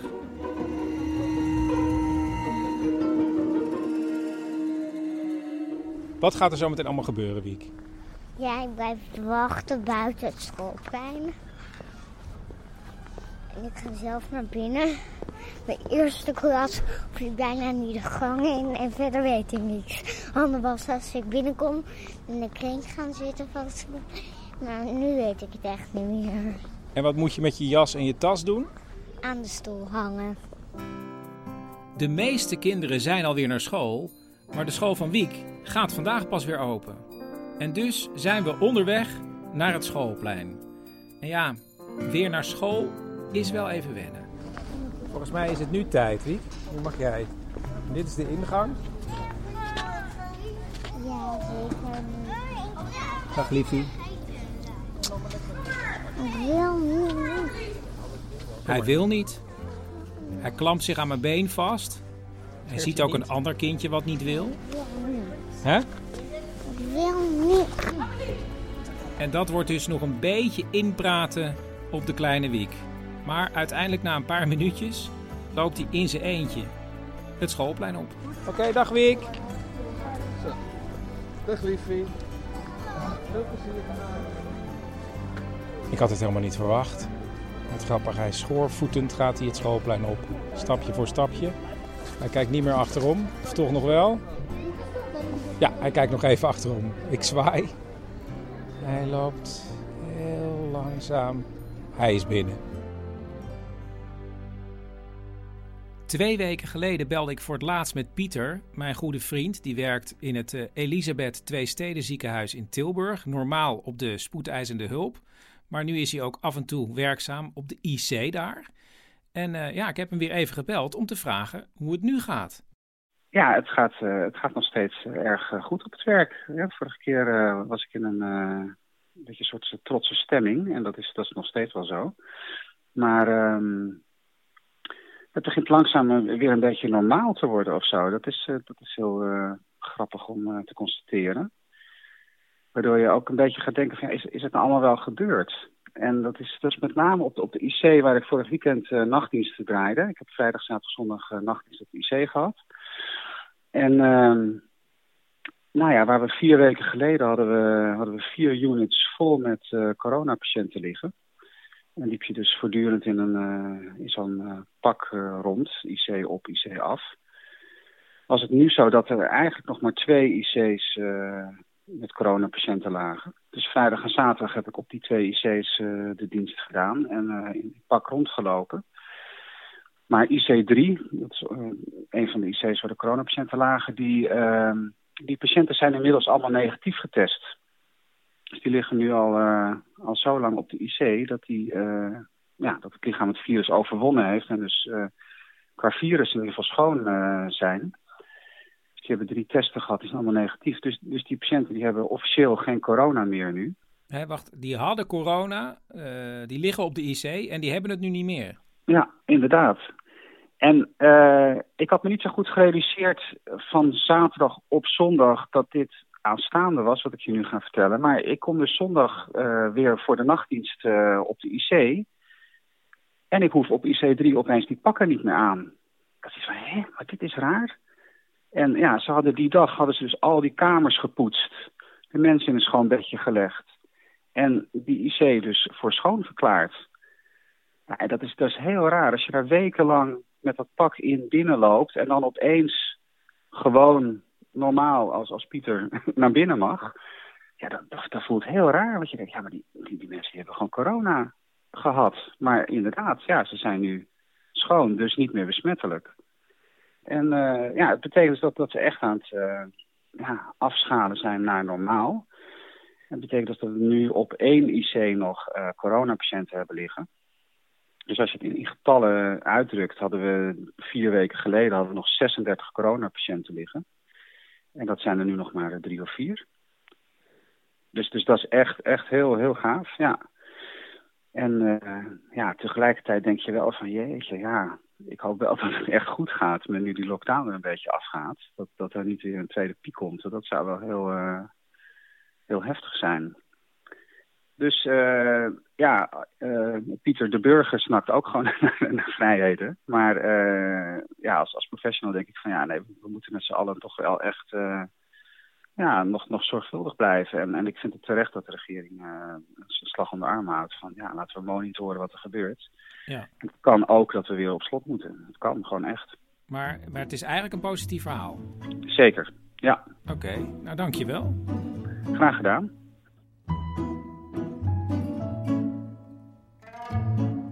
Ivo stond op mijn antwoordapparaat met een lockdown-verhaal dat zich afspeelde in Vietnam.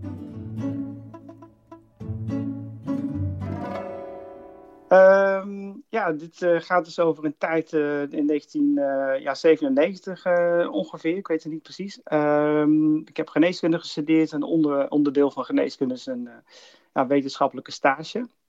Had ik het plan opgevat met een vriend van mij die oorspronkelijk uit Vietnam kwam, om samen naar Vietnam te gaan, om daar een wetenschappelijke stage te gaan doen.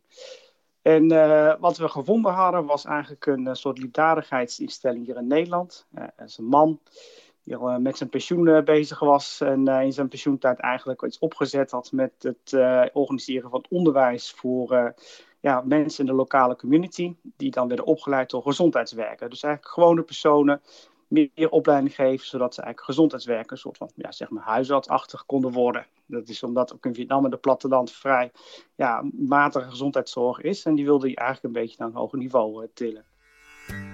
Ivo en zijn collega-student verzinnen wat onderzoeksvragen om erachter te komen of ja, het initiatief daar in Vietnam ook een succes is geweest. En ze gaan naar Vietnam, allereerst naar Saigon en dan reizen ze af naar het zuiden van Vietnam, namelijk naar het plaatsje Phu Tan. Ligt bijna tegen Cambodja aan, want daar is een ziekenhuis waar ja, zo'n cursus gegeven wordt. dan gaat het met kleine busjes, met van die driewielers. En dan uh, daarna uh, moet je achterop met je bepakking, uh, achterop bij iemand op de brommer. En dan ga je van die dijkjes tussen de rijstvelden door. En dan na een hele dag reizen komen ze aan in Phu Tan. En ja, hoe werden ze daar ontvangen? Ja, ja, heel hartelijk. Van, uh, nou, uh, fijn dat jullie er zijn. En de dokters komen wel zo. dat was het. En toen hebben we wel wat papieren gekregen met allemaal cijfers. Cijfers? Ja, gewoon cijfers van hoeveel geld ontvangen hadden en hoeveel mensen daarvoor hebben opgeleid. er stonden echt mensen, aantal mensen met aantal namen die een opleiding hadden gekregen dan namens dat ziekenhuis, namens dat, de, die Nederlandse stichting. Dus dat stond er allemaal in. En dan word je begeleid naar een mooie kamer die daar staat. Een soort kantoor is dat dan, waar twee bedden stonden. Nou, wij werden daar een avond geparkeerd, want het is al laat, lange reis gehad. En ze hadden de volgende dag uh, die, uh, die dokter uh, gaan ontmoeten.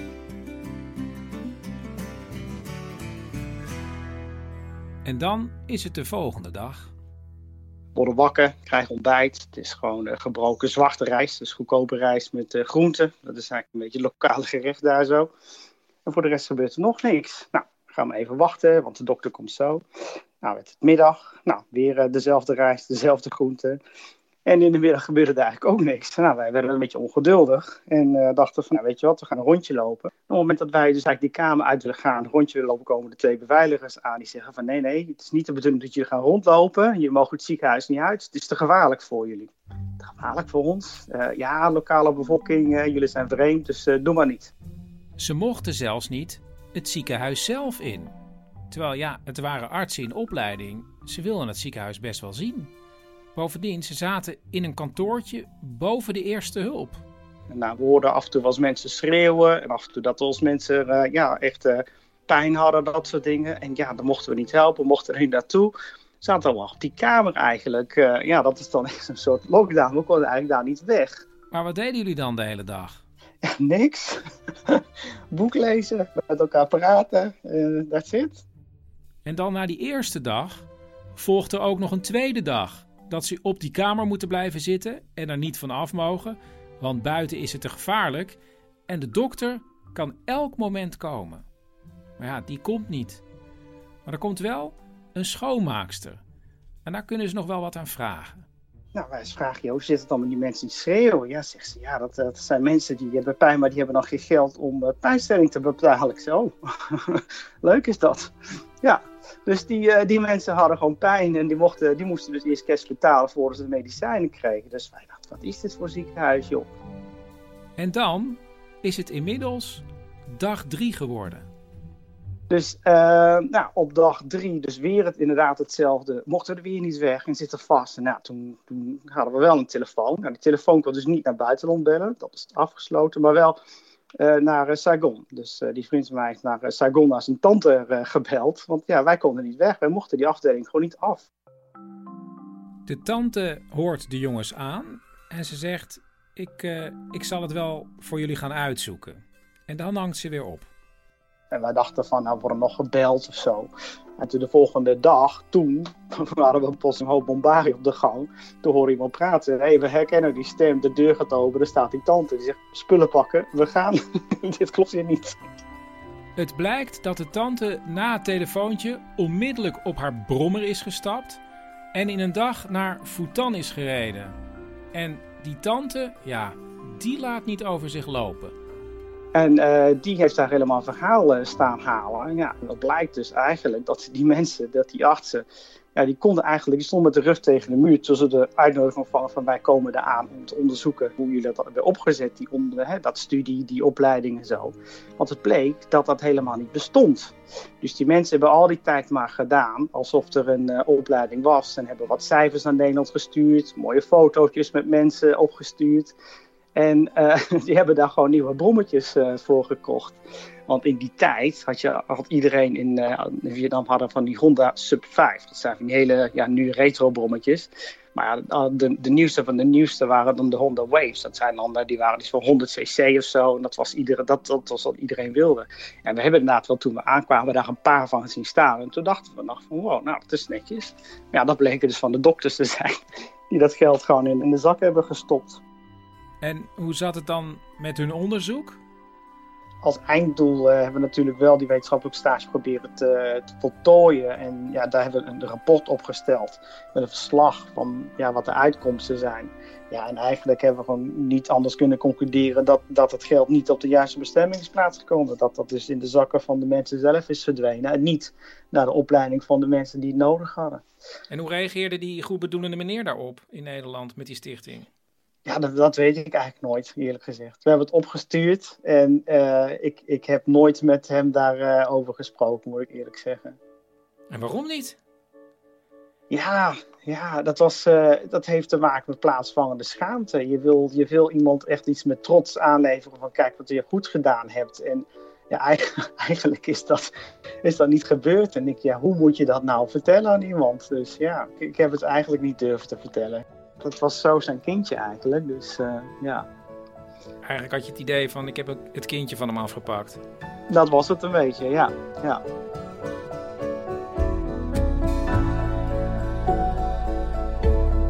Dit was aflevering 64 van Lockdown. Heb je zelf een lockdown verhaal? Dan kun je drie woorden inbellen naar 084 8371 282. Reacties kunnen naar man met de microfoon gmail.com. En uh, voor zometeen, slaap lekker. Of anders, goeiemorgen. Maak er een mooie dag van.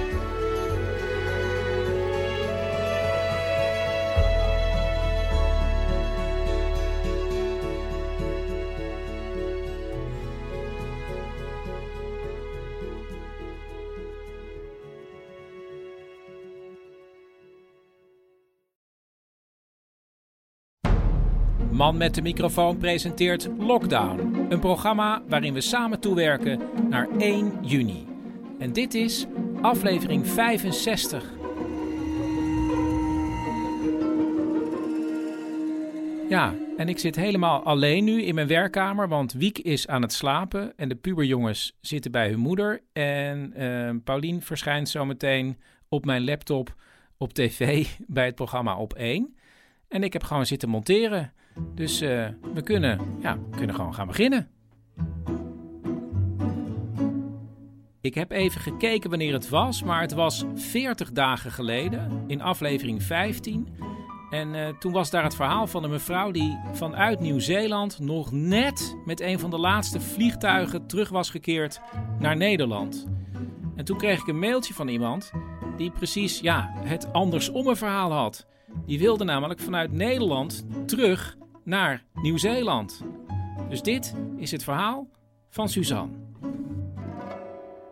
Ik ben dus in 2016 uh, op working holiday gegaan naar Nieuw-Zeeland. En daar heb ik eigenlijk heel snel mijn uh, huidige man ontmoet. Ja, het ging heel snel, want vorig jaar zijn ze getrouwd en ze zouden op dit moment in Nederland hun huwelijksreis hebben. Maar uh, ja, ik was daar tussen mijn bachelor en mijn masteropleiding. en ik wilde natuurlijk eigenlijk wel die masteropleiding nog doen. Dus toen ben ik weer naar Nederland gegaan om dat te doen. Uh, en tussendoor ook wel weer naar Nieuw-Zeeland gegaan. Maar nu was ik dus in Nederland voor de laatste paar vakken. En toen zou mijn man hier in april komen voor onze huwelijksreis. Maar ja, dat leek al wel nergens uh, naartoe te gaan. Dus toen uh, hadden we besloten dat ik op 20 maart weer naar huis zou gaan. Op 18 maart hadden we dat besloten. Maar toen werd ik op de 19e wakker en toen belde mijn man op. ze hebben net bekendgemaakt dat de grens over vijf uur dicht gaan. Dus nou, toen kon ik dus niet meer naar huis. Want uh, partners mochten nog wel naar binnen, maar alleen als ze samen met de echtgenoot in hetzelfde vliegtuig aan zouden komen. Maar ja, dat was dus niet het geval. En dus ging Suzanne er alles aan doen om alsnog terug te kunnen komen in Nieuw-Zeeland. Ze heeft ambassades gebeld, de immigratiedienst. Maar ja, het leek allemaal niet te lukken. Dat heeft uh, toch wel een tijd geduurd. Mijn ouders vonden het wel best gezellig dat ik uh, thuis was. Dus we hebben veel gewandeld en tompoesen gegeten en dat soort dingen. nou, toen na zes weken volgens mij, toen kreeg mijn man ineens te horen dat zijn baas zijn familie mocht overkomen vanuit Australië. Dus toen zei hij van nou, probeer het nog eens een keer om een uh, aanvraag in te dienen om een uitzondering te krijgen. Nou, en die werd toen uh, goedgekeurd, dus dat was heel goed nieuws. Dat was vorige week. En toen moest ik een vlucht regelen om naar huis te gaan. En dat is ook niet makkelijk. Ik hoop dat je het kan volgen. Het is namelijk zo dat heel veel vliegvelden dicht zijn. En als je naar Nieuw-Zeeland wil vliegen, dan moet je sowieso overstappen. En dat kon alleen in Qatar. Nou goed, na heel veel puzzelen heeft Suzanne een vlucht geboekt naar Qatar. Van Qatar naar Sydney en van Sydney dan naar Auckland in Nieuw-Zeeland. Maar als je naar Sydney vliegt, moet je 15 uur wachten voor de vlucht naar Auckland. Dus moet je in een hotel overnachten. Maar ja, eigenlijk zou je dan 14 dagen in quarantaine moeten. Dus, Suzanne? Uh, dus dan moest je weer speciale visa voor hebben om maar één nachtje in zo'n quarantainehotel te zitten. In plaats van twee weken. Maar ook dat was gelukt. En dus kon ze afgelopen weekend op weg. Eerst naar Qatar met tien andere passagiers en toen met een iets voller vliegtuig naar Sydney. En wat gebeurde er toen jullie daar geland waren? Nou ja, eerst moesten we natuurlijk het vliegtuig uit en toen zaten we dus een hele tijd op de luchthaven op iedereen te wachten die naar dat hotel moest. Dat duurde heel lang, want we moesten allemaal een uh, korte medische check ondergaan. En toen werden we met de politie-escort werden we naar het centrum van Sydney gebracht. En daar zaten we echt in een vijf-sterren hotel met marmeren badkamer. En daar zaten allemaal militairen op de gangen. We mochten absoluut die kamer niet uit. En toen, uren later, werd ze weer met een politie-escorte naar het vliegveld gebracht en vloog ze naar Nieuw-Zeeland. Nou ja, en toen hier moesten we weer hetzelfde als in Sydney, dus weer temperaturen. En dan werd er dus besloten of je naar quarantaine moet of zoals ik nu in uh, managed isolation zit. Wacht even, managed isolation? Ja, dus dat is dat ik geen symptomen uh, vertoon van het coronavirus, maar dus wel twee weken hier moet zitten. En dan moet ik, ik moet ook elke dag naar een, uh, een verpleegster en die gaat dan mijn temperatuur opmeten. En hebben we ook even een kort gesprekje over hoe ik me voel. En uh, nou, ik mag dus uh, ja, met niemand contact hebben, zeg maar. Het enige wat ze mag is onder begeleiding even voor het hotel een luchtje scheppen of zich inschrijven voor een dagelijkse wandeling. Ik heb me bijvoorbeeld elke dag voor 12 uur s middags nu ingetekend. En dan moet ik om 12 uur bij de deur zijn. En dan ga ik met um, een paar beveiligers nou ja, dan, steken we de weg over, zeg maar. En daar is dat terreintje waar we mogen wandelen. En dan is er zeg maar met pionnen een afgezet rondje wat we dan mogen lopen. Dat is een rondje van ongeveer vijf minuten. En dat ongeveer half uur, drie kwartier lang. En, en wat doe je dan de hele dag? Wandelen dus en uh, lezen. Ik heb een uh, denksportbundel bij me. En ik ben Netflix aan het kijken. Ja, en ze zitten dus vanaf afgelopen maandag. Maar na twee dagen dacht ze: ja, ik wil eigenlijk wel die puzzel maken. Ja, mijn moeder had eh, eigenlijk voor Sinterklaas eh, vorig jaar zo'n Jan van Haasteren puzzel van eh 500 stukjes eh, opgestuurd. En die had ik nog nooit gemaakt. Dus ze dacht, ja, we wonen eigenlijk, maar ja, we wonen gewoon 45 minuten van dit hotel af. Kan mijn man gewoon niet die, die puzzel brengen met misschien nog wat andere spullen? En misschien kunnen we dan, oh, nou, dat komt later, eerst maar even de spullen. Ik wilde dus ehm gemberbiertjes en een puzzel en wat feijoas. Dat zijn eh, eh, bepaalde boomvruchten uit onze, uit onze tuin. Dus mijn man die zou die na zijn werk komen brengen. En hij belde mij ongeveer tien minuten voordat hij hier was. Zodat ik dan naar beneden kon en tegen de receptie kon zeggen dat ik even naar buiten ging. Want dan eh, registreren ze dat ik buiten ben. Eh, dus toen ging ik ehm, eh, voor onze deur staan. En toen mijn man dan aankwam, toen kon ik naar hem zwaaien. Toen hij zeg maar, mijn spulletjes bij de receptie eh, af kwam geven. Maar dat is eigenlijk niet de bedoeling. Dus ik moest wel een beetje net doen alsof dat dus niet gebeurde. dus toen hebben we elkaar wel gelukkig even kunnen zien. Na drieënhalve maand elkaar niet zien. Dus dat was heel leuk. En je houdt je dus heel erg aan de regels. Ja, je wilt natuurlijk zo snel mogelijk hier, hier weg. Je wordt heel braaf. Ja, je wordt heel eh, volgzaam. Bijvoorbeeld ook in Sydney, als we dan ergens aankwamen, dan, ja, dan stap je, dan, dan wil je eigenlijk zelf die bus uitstappen. Maar ehm, ja, dan denk je, oh nee, we mogen niet zelf de bus uitstappen. Daar moeten we eerst eh, toestemming voor krijgen. Ja. En hoe lang zit je nog in het hotel? Ik moet nog tot 26 eh, mei. En heb je de puzzel al gemaakt? Nee, ik ga, hem, nou, ik ga hem denk ik morgen maken. Oké, nou heel veel succes daar en een fijne dag. Ja, fijne dag. Doeg. Doei.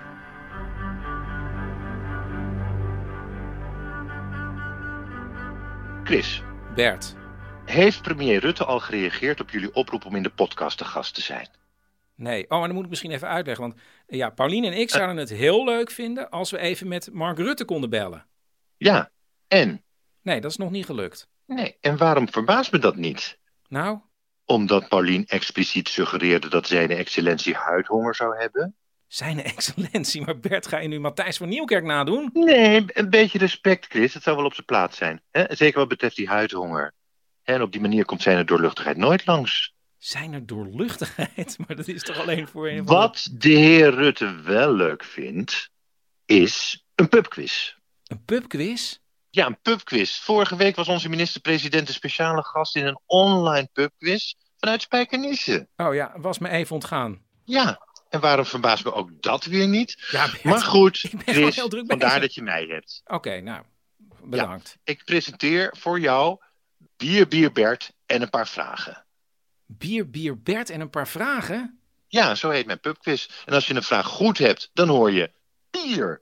En als die fout is, dan hoor je gemeentepils. Ja, nou, ik weet niet of ik met deze podcast... Chris, we gaan beginnen. Wacht, ik pak er een briefje bij. We gaan het gewoon doen. Wacht even. We gaan beginnen. Ronde 1. Influencers. Bert? In haar laatste vlog gaat Monica Geuze een stukje varen. Ze heeft daarvoor speciaal een wit jurkje aangetrokken. Van welk merk? Dus in haar laatste vlog gaat Monica Geuze een stukje varen. Ze heeft daar speciaal een leuk wit jurkje aangetrokken. Van welk merk? Chris? Ja, ik weet het niet. H&M? Wacht even. Gemeentepils. ik, weet, ik denk echt niet... Dat, is ik dus met- fout. Het was Ja, Sarah. ik denk, Weet je? En ja, dus tot maar- nu toe heb je, ik kijk even op het scorebord, nul punten. Ja, maar goed. Ronde 2, wacht nou even. Sport en ontspanning.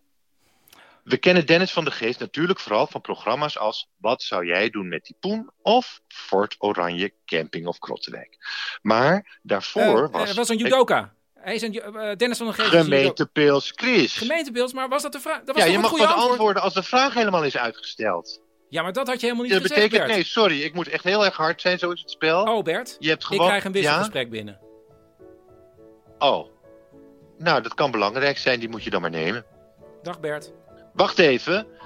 Dit was Bier, Bier, Bert en een paar vragen. Fijn dat je meedeed en tot volgende week. Same time, same scherm.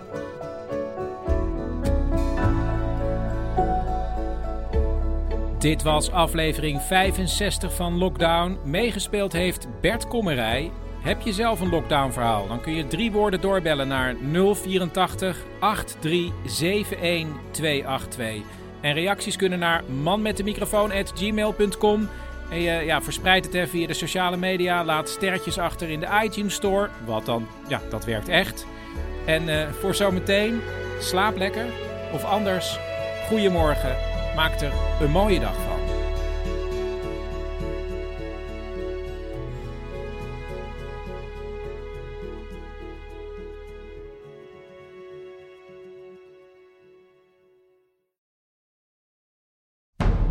Man met de microfoon presenteert Lockdown. Een programma waarin we samen toewerken naar 1 juni. En dit is aflevering 66. Het is weer weekend en dus laat ik twee verhalen horen uit het archief van Man met de microfoon. Verhalen met een lockdown randje. En het eerste gaat over, ja, eigenlijk over het feit van, stel je voor je zit opgesloten in je huis met iemand die je niet leuk vindt. Die zou je eruit kunnen zetten. Maar wat nu als dat een dier is? Op hun verzoek heb ik de volgende geïnterviewde een onherkenbare stem gegeven. En ze geven zichzelf de namen. Uh, Jos. En Pet. En dit is hun verhaal. Uh, nou, wij hebben een poes. En uh, het is een hele knappe poes. Uh, dus we vielen meteen voor haar toen we haar uh, gingen uitzoeken. Maar uh, ja, eigenlijk vinden we het. Ja, we mogen haar niet zo.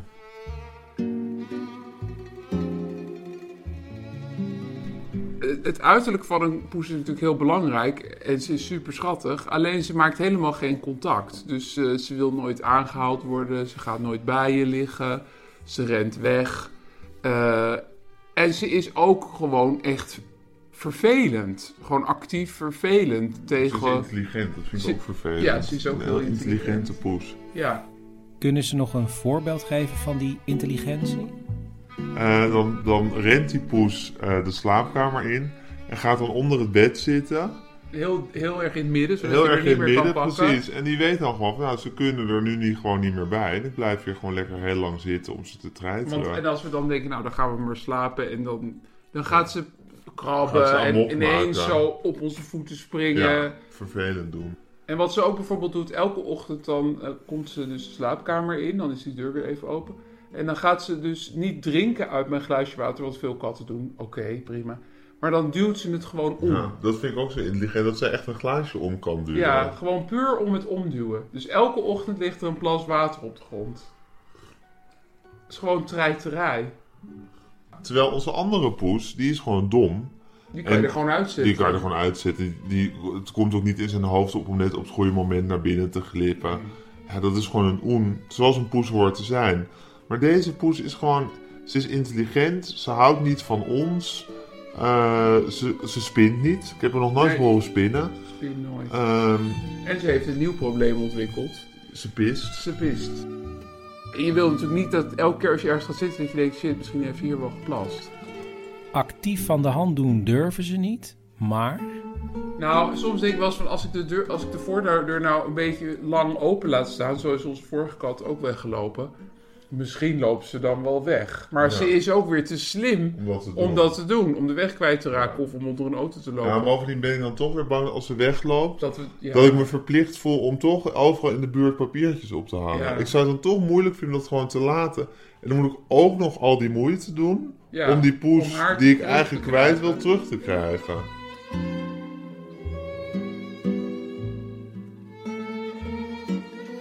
Oh ja, wat we ook nog heel graag willen is haar een nestje laten krijgen. Nou, dat lukt ook niet, want het is soms één minuut krols. Dan pist ze alles onder. Dan gaan we onmiddellijk eh, met Marktplaats hebben we een dekkater gevonden. Dekkater Hugo. Eh, daar mag ze voor 100 euro langs. Dus zodra ze krols is, neem ik contact op met eh, de eigenares van Dekkater Hugo. Maar onze poes is dan, ja, een uur later is ze weer niet meer krols. Dan gaat ze weer normaal doen. Dan, dan is, het alweer, is ze alweer gewoon. Of tenminste gewoon zoals zij gewoon is. het dekplan hebben Jos en Pet inmiddels overboord gezet. We willen er gaan laten steriliseren.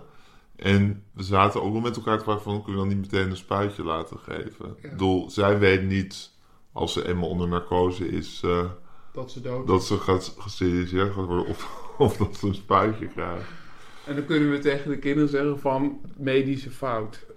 Maar ja, ook dat kan ik dus niet over. Net, Nee. zo, net zoals dat als ze wegloopt, dat ik dan toch papiertjes Ja, ga ophangen. kunnen- we kunnen er niet echt niet in doorzetten. Ik kan haar niet zomaar doodmaken. We zeggen nu steeds van, nou, nog 18 jaar. 18 jaar? Of is er nog een sneller plan? Ik hoop dat we bijvoorbeeld op een dag bijvoorbeeld ergens op vakantie zijn, op Texel of zo, in mijn boerderij. Dat we dan aan de praat raken met iemand die zegt van, oh, ik heb echt wel 10 katten nodig om hier al die muizen te bestrijden. En eh, het is gewoon een boer die verder niet zo zit van, ik wil ook gezelligheid en ik wil ook... En dat wij dan zeggen van, hé, hey, maar wij hebben echt een heel pittig katje. En die is hartstikke intelligent en die helpt je zo voor... En dan zegt hij, nou, breng maar langs. Dat is een beetje mijn droom. Dit verhaal kwam uit aflevering 15 van Man met de microfoon, getiteld Een hond en vele katten. En het volgende verhaal komt uit aflevering 14 en dat was getiteld Stoppen. En eh, ja, je kunt natuurlijk opgesloten zitten in een fysieke ruimte bijvoorbeeld, als je aan een lockdown verhaal denkt. Maar ja, je kunt ook vastzitten in een situatie. En daar gaat het volgende verhaal over. En het is een verhaal van mijn neef Ronald. Nou, we gaan beginnen. Neef Ronald, allereerst, hoe lang is het geleden dat wij elkaar hebben gezien? Het is misschien een beetje gek. 16 jaar geleden. Toen zijn wij nog een keer met ehm, al onze broers en zussen en andere neven en nichten eh, uit eten geweest. Wat mij bijstaat. Ja, de zes neven en nichten van Baaienmaaskant waren een beetje uit elkaar gegroeid. Het grappige is wel dat, na aanleiding van dit gesprek, hebben we weer een afspraak gemaakt. Maar daar gaat het niet om. Eh, het gaat erom dat 16 jaar geleden vertelde Ronald dat hij gestopt was met gitaarspelen. En dat was voor mij, en niet alleen voor mij, een hele grote verrassing. Nou ja, ik kende jou van vroeger. Ja, we gingen natuurlijk als neef en nichten heel vaak met elkaar om. En jij was totaal gefascineerd door de elektrische gitaar. je, je- ik weet wel, je had eerst een akoestische gitaar. En elke keer als ik bij jou thuis kwam, dan stond daar een spaarpot voor een elektrische gitaar. Ja. Toch? Ja, dat klopt. Dat is vanaf mijn zesde jaar zo'n beetje begonnen. Toen ben ik met gitaarspelen begonnen. En toen was het allemaal nog gewoon oké, een soort van normale hobby. Gewoon één keer per week les en thuis een beetje spelen. Maar toen ineens op de middelbare school, toen was ik denk ik een jaar of 13, 14. Toen kwam die elektrische gitaar en toen nam er een soort bezetenheid zich van mij Echt meester. bezeten? Ja. En toen heb ik echt ook, ik denk wel, vanaf dat moment in een soort van tunnel gezeten. Met eigenlijk niets anders bezig bent geweest in, in praktische zin, maar ook in mijn hoofd. Dus dat, dat ging continu maar door. Dat alleen maar dat willen doen. Ja, of je dat obsessief kan noemen, dat weet ik dan ook niet of zo. Maar een soort van gefascineerd, totale focus. ehm, ja, veel ruimte voor andere dingen was er niet. Ronald was altijd bezig met muziek maken. En eh, hij heeft nog wel geprobeerd, waarschijnlijk omdat zijn ouders zeiden: ja, je moet toch voor zekerheid kiezen om rechten te gaan studeren. Maar na een paar weken stond hij al in het kantoor van zijn vader bij zijn bureau om te zeggen: dit kan ik niet, ik moet naar het conservatorium. En dat heeft hij toen ook gedaan. Hij is naar Rotterdam gegaan en daar vond hij ja, geestverwanten waarmee hij fanatiek kon gaan spelen. Ehm, en dat is natuurlijk best wel experimentele muziek, die gewoon heel moeilijk aan de man te brengen is. Dus dat is gewoon in kleine kroegjes staan voor een paar man. En dat waren gewoon de meest gave dingen. Dat je gewoon helemaal je eigen ding staat te doen. En dan ook dat je met vijf of zes man op zo'n podium staat en gewoon volledig staat op te gaan in wat je doet. Ik ben nog bij zijn eh, afstuderen geweest en neem maar voor mij aan, Ronald was een hele goede gitarist. En na zijn afstuderen is hij ook bijvoorbeeld gaan spelen in de band van Karin Bloemen en Lucretia van der Vloot. Maar zijn geld verdiende hij voornamelijk door te spelen in een band die optrad op trouwerijen. En dan is het niet meer de experimentele muziek voor twintig mensen met je vrienden, maar ja, Nou, dat zit heel erg wel in het genre van eh, I Will Survive of zo. Dat soort, eh, dat, dat soort dingen. Ja, en omdat ze een goede band waren, hadden ze op een gegeven moment 100 bruiloften per jaar met I Will Survive. Ja, dat stonden we dan daar avond in, avond uit eh, te spelen. Tot uh, vermoeienis en ergernis.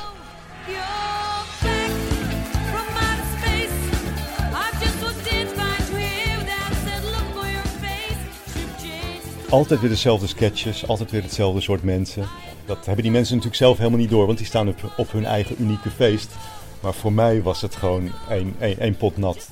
En dus speelde mijn neef na een tijdje. Gewoon volledig op de automatische piloot. Je zet gewoon dat ding weer aan. En op een gegeven moment gaat je hand gewoon weer bewegen. En zo stond ik er ook op een gegeven moment naar te kijken van ja, die hand die doet het nu gewoon. Maar ehm, wil ik dat nog wel? En dat, dat is natuurlijk, natuurlijk wel een soort rare gewaarwording of zo. Dat, dat die hand dit maar staat te doen en dat er ook momenten kwamen dat die hand dit niet meer wilde doen. Dat die hand die beweging ook niet meer wilde maken. Zo'n dat soort gedachten had ik dan ook tijdens het spelen. Van die heeft de energie niet meer om dit te kunnen blijven doen. Nou ja, op het moment dat dat gebeurt, dan moet je wel even gaan afvragen natuurlijk uh, ja, waar je mee bezig bent. En dus komt voor velen het verrassende moment waarop mijn neef weet, deze bruiloft, dat is mijn allerlaatste optreden. Dus, het is gewoon je gitaar in, in die kist gedaan? Ja, ja mijn spullen um, weer thuis uh, uitgeladen en, uh, en binnengezet. Um, en, en het hoefde niet meer en het was klaar. En even voor de duidelijkheid, hij is niet alleen gestopt met optreden. Nee, hij is ook helemaal gestopt met gitaarspelen. Ik ben gewoon ook wel iemand die drastische beslissingen kan nemen in mijn leven. In de zin van het is alles of niets. En als ik op een gegeven moment merk van het gaat niet meer, dan kan ik ook heel drastisch gewoon ja, de stekker uit dingen trekken. En is het mooi geweest. En dan verbaast dat een hoop mensen in mijn omgeving. Maar dan gaat dat dus gewoon zo. Je hoort wel eens hè, van die mensen die een uh, gewone kantoorbaan hebben en nog altijd dromen van muzikant worden. En soms die stap nog een keer maken. En eigenlijk heeft mijn neef precies het tegenovergestelde gedaan. Ja, wel een saaie kantoorbaan gaan doen. Tussen aanhalingstekens. Ja, maar dus naar alle tevredenheid. Naar alle tevredenheid, ja. Ben ik heel blij mee. En dat is gewoon een, nu voor mij een veel gezondere verhouding dan dat je alleen maar continu dag in dag uit je hele leven lang met één ding bezig bent. En uh, ik heb er ook nooit eigenlijk ook maar één seconde uh, spijt van gehad. Helemaal nooit.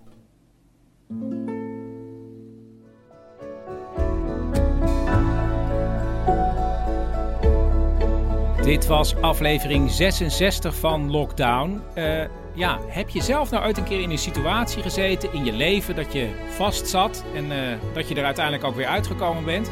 Stuur dan drie woorden door naar de voicemail 084 83 71 282. En misschien bel ik jou terug.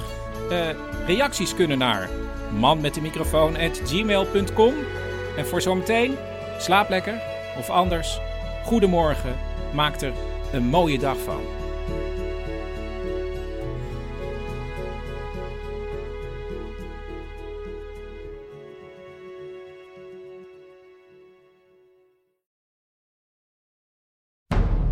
Man met de microfoon presenteert Lockdown, een programma waarin we samen toewerken naar 1 juni. En dit is aflevering 67.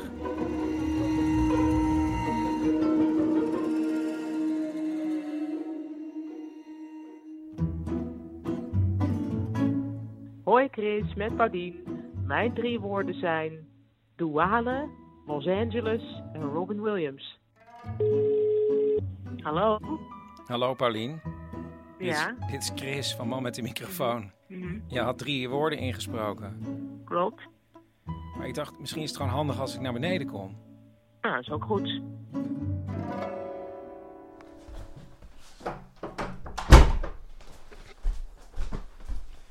Nou, daar ben ik.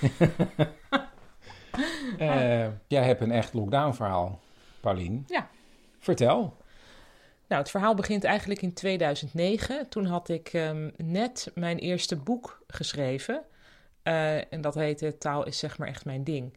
Um, dat was een kleine oplage gedrukt, want ik denk niet dat veel mensen er iets van verwachten. Maar het was wel op de redactie terechtgekomen van het programma van Paul de Leeuw. Ehm, en die dacht van, hmm, wat een gek boekje, want het ziet eruit alsof het gewoon getekend, alsof het een soort tijdelijk iets is, dat er nog geen kaft voor is. Maar hij was het gaan lezen en hij vond het leuk en toen nodigde hij me uit in zijn programma. Ehm, daar ben ik geweest en dat ging heel erg goed. Uh, en dat had ermee te maken dat Paul een heel erg, uh, is natuurlijk een heel grote persoonlijkheid, die overal een one-man show van kan maken, maar die ook heel gunnend kan zijn richting anderen. En dat had hij heel erg richting mij. Dus hij heeft me echt laten stralen op zijn podium. En de volgende dag was dat boek overal uitverkocht en werd een enorm succes. Wat natuurlijk best wel raar was, want daar had ik helemaal niet op gerekend. Dat ik, nou ja, dat was helemaal niet, lag niet in, in mijn bedoeling. Um, maar het was natuurlijk wel leuk. En toen later vroeg Paul mij van wil je niet dus wat voor mijn programma doen? En toen dacht ik ja, het is zo'n, het is iemand die heel, uh, ja, een leuk idee heeft over, over dingen maken. Natuurlijk graag. En toen ben ik voor hem naar Parijs gegaan en heb ik Meryl Streep geïnterviewd.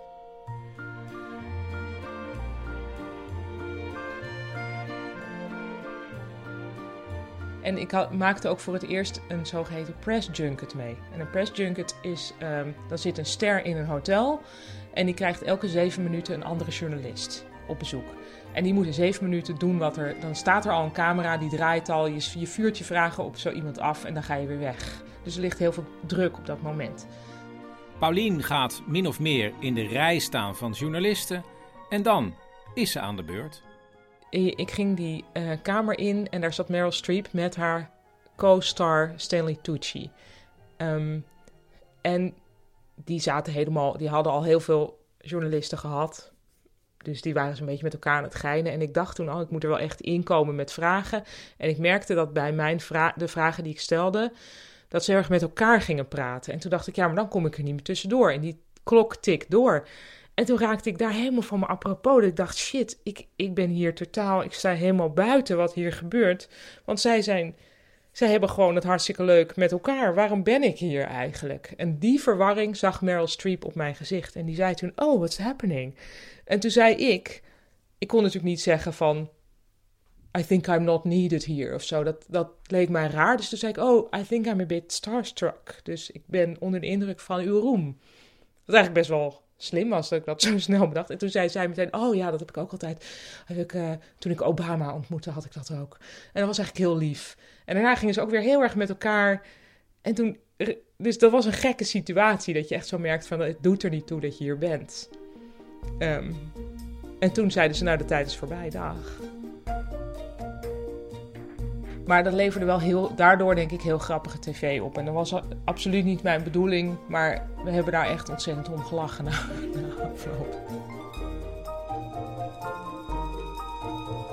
Vervolgens uh, werd ik door de redactie van Pauls programma opgebeld en gezegd: hey, eh, die zeiden van ja, het uh, was heel leuk met Meryl Streep. We hebben nu iets. Robin Williams heeft een nieuwe film. Um, heb je iets met Robin Williams? En ik van ja, in principe wel. Het is een enorm goede comedian. Echt heel grappig. Hij heeft natuurlijk echt heel grootse grappige dingen gedaan. Ook onwijs veel foute keuzes gemaakt in zijn carrière. Maar ja, het is wel een grootheid. Wat was het idee? Ik zou weer voor zo'n press junket gaan, maar nu niet in Parijs, maar in Los Angeles. En ik van, hè, weet je wat gebeurt er nu? Ben ik nu iemand die dan zomaar ja, voor eigenlijk een, een interview van zeven minuten naar Los Angeles gaat vliegen. Ja, dat was dus zo. En dat was ook, het was gewoon ineens zo, um, ja, hoe noem je dat?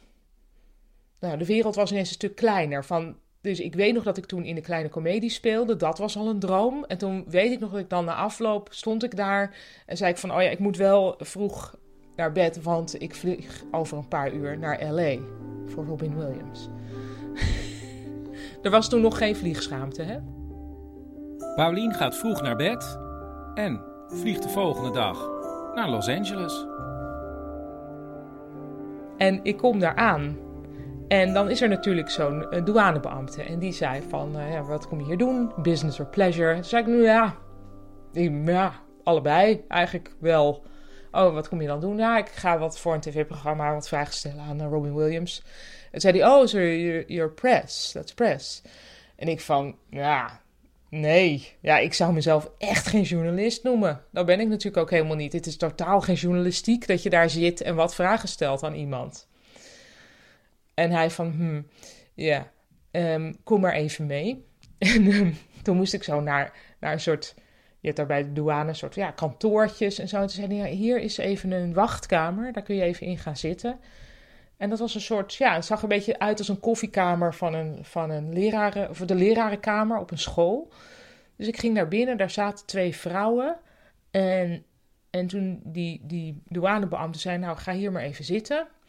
Ehm, en hij vroeg ook nog, uh, hoe laat heb je dan die afspraak? En toen zei ik, uh, uh, van ik moet hier om drie uur weg of zo. Terwijl eigenlijk was het om drie uur, moest ik bij die afspraak zijn met Robin Williams. Um, nou, ik werd in die kamer gelaten en die zitten twee vrouwen. En ik zei van, oh, oké, goed. En er lag, lag geloof ik twee tijdschriftjes, heel beduimelde tijdschriftjes. En ik keek zo om me heen van, ja, wat is nu de bedoeling? Hoe lang ga ik hier wachten? En toen keek ik om naar die deur, die net was gesloten achter mij. En toen zag ik ineens, de klink is weg. Er zit alleen aan de buitenkant een klink. En toen dacht ik ineens, maar dit is gewoon, dit is een opsluiting. Ja, uh, een deur die je niet open kunt doen. Ik bedoel, hij zat niet op slot met een sleutel. Maar ja, als je hem niet open kan doen, zit hij wel dicht. En ik van, hè? Wat is er nou gebeurd? En ik vroeg zo aan die vrouwen, hoe lang zitten jullie hier al? En die zeiden, drie dagen. En ik, hè? Oké. En ik zou maar zo'n beetje gaan zitten van, wat moet ik nou? Het rare is, ik had ook niks bij me. Weet je, er waren nog geen smartphones voor. Of die waren er wel, maar die had ik niet. Ik heb daar echt ja, zo'n tijdschriftje zitten lezen. Hello of zo. En het rare is ook, ik werd er dus uitgehaald van zo even voor drieën. Van, nou, we gaan jou nu afhandelen en dan ben je nog op tijd weg. Die twee vrouwen die daar al drie dagen zaten, ja, die keek ik nog even aan. Zo van, ja, ik ga nou maar weer. Zij kwamen uit Indonesië. En ik heb dus nooit uitgevonden waarom zaten zij daar. Hoe lang hebben ze daar nog gezeten? Wat is er met hen gebeurd? Geen idee. Ik heb maar eventjes, heel even meegemaakt wat heel veel mensen natuurlijk heel lang en heel, zeg maar in een heel lange onduidelijkheid zitten. Heb ik maar heel even meegemaakt daar. En dat vond ik dan wel weer waardevol. Toen kreeg ik heel ondervraging. Moest ik op de foto min of meer zo'n mugshot niet echt. Ik hoefde geen nummer omhoog te houden. Maar ik dacht wel, nu moet ik er vrij cool uitzien als dit mijn mugshot is. Nou, dat ziet dus nooit cool uit, maar heel zagrijnig. Maar goed, in ieder geval, die foto is er. En toen werd ik klokslag drie uur daar weggestuurd van ja, je mag gaan.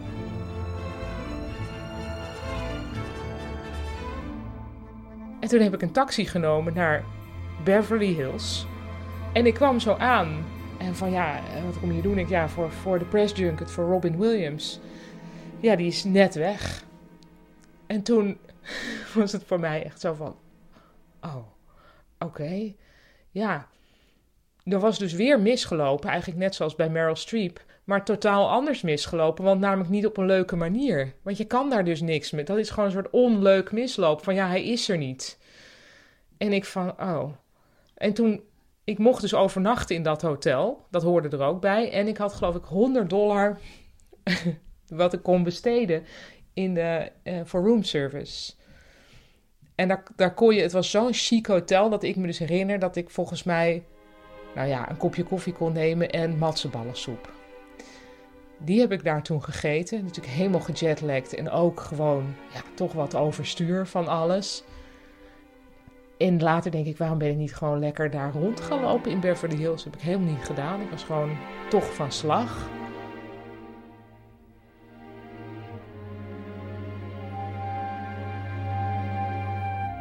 En dan dacht ik, ja, ik bedoel, in Beverly Hills kan ik nog wel eens komen, maar in dit hotel kom ik nooit meer. Dus laat ik maar hier echt de matseballensoep savoureren. Ik heb al het, ehm, zeg maar, de enveloppen meegenomen om dan later mensen brieven te kunnen schrijven alsof het uit dat hotel kwam. En ja, en toen de volgende dag ben ik weer teruggevlogen. En toen later zeiden mensen tegen me: Oh ja, maar je moet ook nooit zeggen dat je van de pers bent. Natuurlijk niet, want dan heb je een apart visum nodig. Wat naïef. Maar ten eerste was ik dus niet van. De, ja, ik vind nog steeds niet dat ik van de pers was. en ook, stel dat ik had gezegd: Ja, pleasure, wat kom je hier doen? Oh, oké, hoe lang blijf je dan? Nou, nog geen 24 uur. Oh, dus je komt voor de lol hier minder dan 24 uur in LA en dan ga je weer terug. Dat was een veel verdachter verhaal geweest. Dus achteraf denk ik, nee, ik was wel naïef, maar ik heb het niet, op zich niet heel slecht gedaan. Ik heb alleen het verkeerde tijdstip doorgegeven aan de douanebeambte. Dat heb ik Robin Williams uiteindelijk nooit gezien. En ik heb ook, dat is ook nog zo raar. Want ik dacht de hele tijd. Kijk, al die dingen deed ik natuurlijk vanuit. Ik hoor er niet echt bij, snap je? Ik doe dit nu, maar dit is niet wie ik echt ben. Van haha, hier ben ik in Parijs met Meryl Streep lachen. En oh haha, nu ben ik in LA. Wat komisch. En toen had ik dus die enveloppen meegenomen van het hotel. En uiteindelijk heb ik ze geloof ik nooit gebruikt. Omdat ik toch bang was dat mensen zouden denken dat ik er wel bij hoorde. Dus dat ik wel iemand was die daar echt was geweest. Terwijl ik ben daar niet echt geweest. Was een alter ego.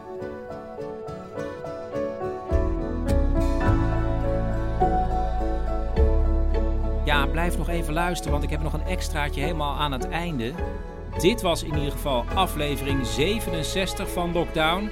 Heb je zelf een lockdown verhaal? Bel dan drie woorden door naar 084 83 71 282. Reacties kunnen naar manmetdemicrofoon@gmail.com. En uh, ja, ik zeg maar alvast, slaap lekker. Of anders, goedemorgen. Maak er een mooie dag van. En even blijven luisteren. Want dit gebeurde er na het interview met Meryl Streep en Stanley Tucci. En het gekke is, dat is nooit uitgezonden, maar daarna mocht ik praten met de regisseur van de film. Dat was Nora Ephron. En daar ben ik fan van. Dat is een van mijn lievelingsschrijfsters. En die had die film geregisseerd en geschreven, volgens mij ook. Um, superleuk mens.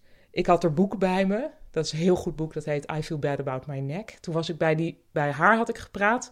Toen ging ik de gang op en toen kwam er een producer nog achteraan. Die zei, schrijf even je naam op, want Nora Ephron wil heel graag voor jou even wat in dat boek schrijven. En toen heeft ze in mijn boek geschreven, uh, to Pauline, a pleasure to meet you for six whole minutes. Ja, daar ging het natuurlijk om. Man met de microfoon presenteert Lockdown, een programma waarin we samen toewerken naar 1 juni. En dit is aflevering 68.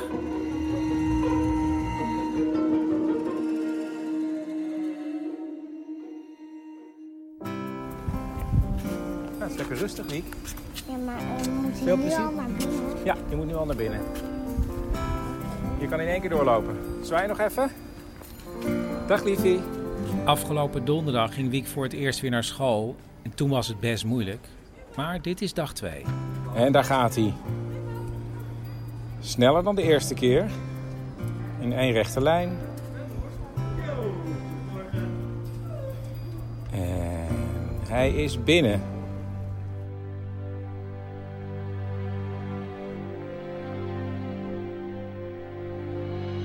Hey, Chris. Hé hey, zus. Eh, Ja. ja, ik neem meteen op. Oké.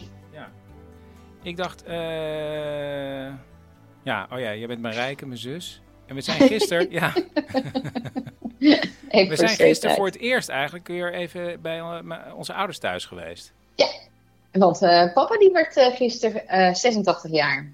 Ja, en nou had jij het gouden cadeau verzonnen. Maar vertel even hoe dat... Ik had, eh, Ja. Nou ja, dat was eigenlijk toevallig, want ehm, papa was zijn Friese vlag kwijt. En eh, nou ja, het was in mei natuurlijk, en dat was, eh, hij is veel met vroeger bezig. Dat is natuurlijk ook wel logisch, want die verhalen die weet hij allemaal nog.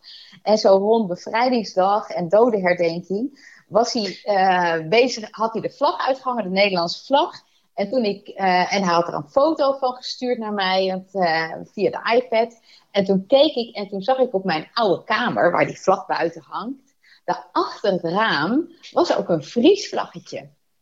En daar was hij dus al de hele tijd druk mee bezig geweest. Dus ik zei, goh pap, wat leuk, want ik zie ook die Friese vlag hangen. En toen zei hij, ja, maar zo jammer, want ik ben mijn eigen Friese vlag kwijt. En het was een verpakkingsmateriaal van iets Fries wat u ooit had gekregen. Ja, en belangrijk ook even te zeggen dat uh, die Friese vlag, de originele Friese vlag die kwijt is, die gebruikte ik als kind als superheldencape. Ja, dus, um, maar iedere keer als we het dan over die vlag hadden, begon hij weer het verhaal te vertellen hoe belangrijk die Friese vlag voor hem was. Want toen zij in Amsterdam kwamen wonen, toen woonde boven hun verder Schurer. En volgens mij is dat een Friese schrijver-dichter. En hij zegt ook steeds, ja, dat is uh, de reden ook geweest dat mijn vader zei, daar gaan we wonen. Want als je onder verder Schurer woont, onder die Fries, dan is het allemaal goed. En in de oorlog ging hij vaak daarheen. En de vrouw van Verder Schuur, die was alvast stiekem de plompe bladen aan het naaien op een nieuwe Friese vlag. Dat, stel je voor dat de oorlog was afgelopen, dan had zij de Friese vlag alvast klaar om uit te hangen. Dus iedere keer kwam hij dan met dat verhaal.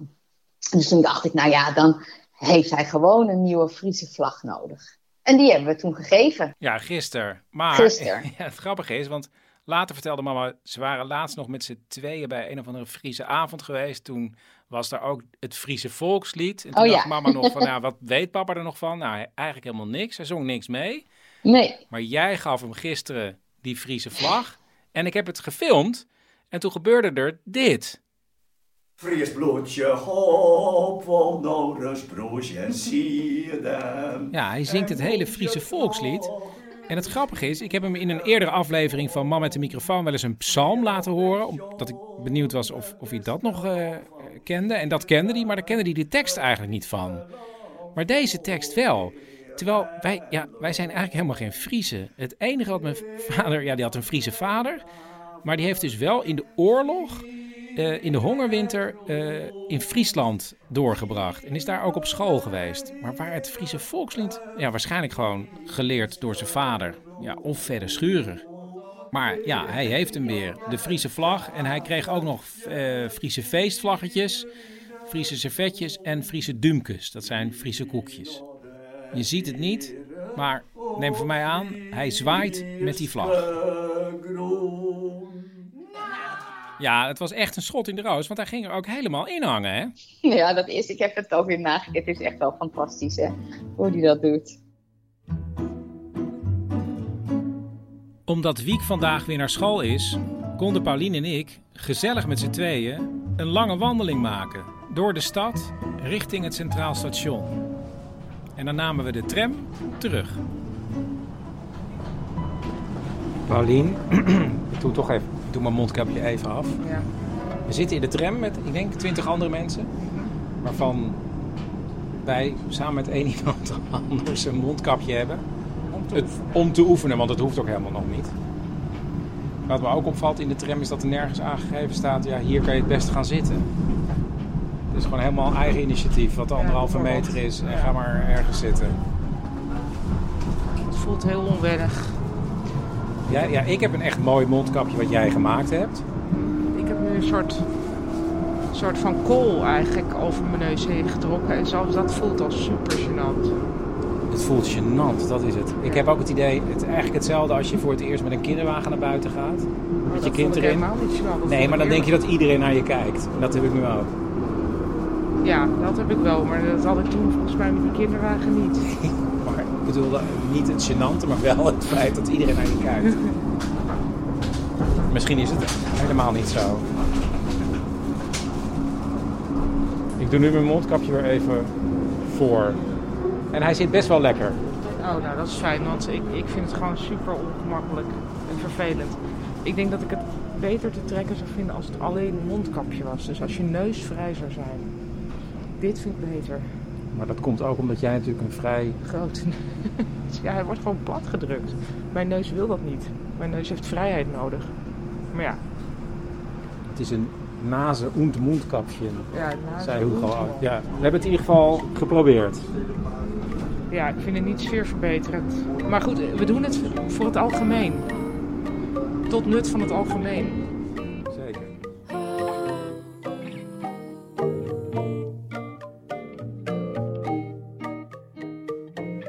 Hallo? Ja, Hallo? hallo. Ja, je spreekt met de man met de microfoon. Ik, ik belde omdat u had gemaild eh, over aandacht voor relatieproblemen in de coronacrisis. In de coronacrisis, ja, inderdaad. Eh, want eh, ja, daar is dus bij lange na niet genoeg aandacht voor.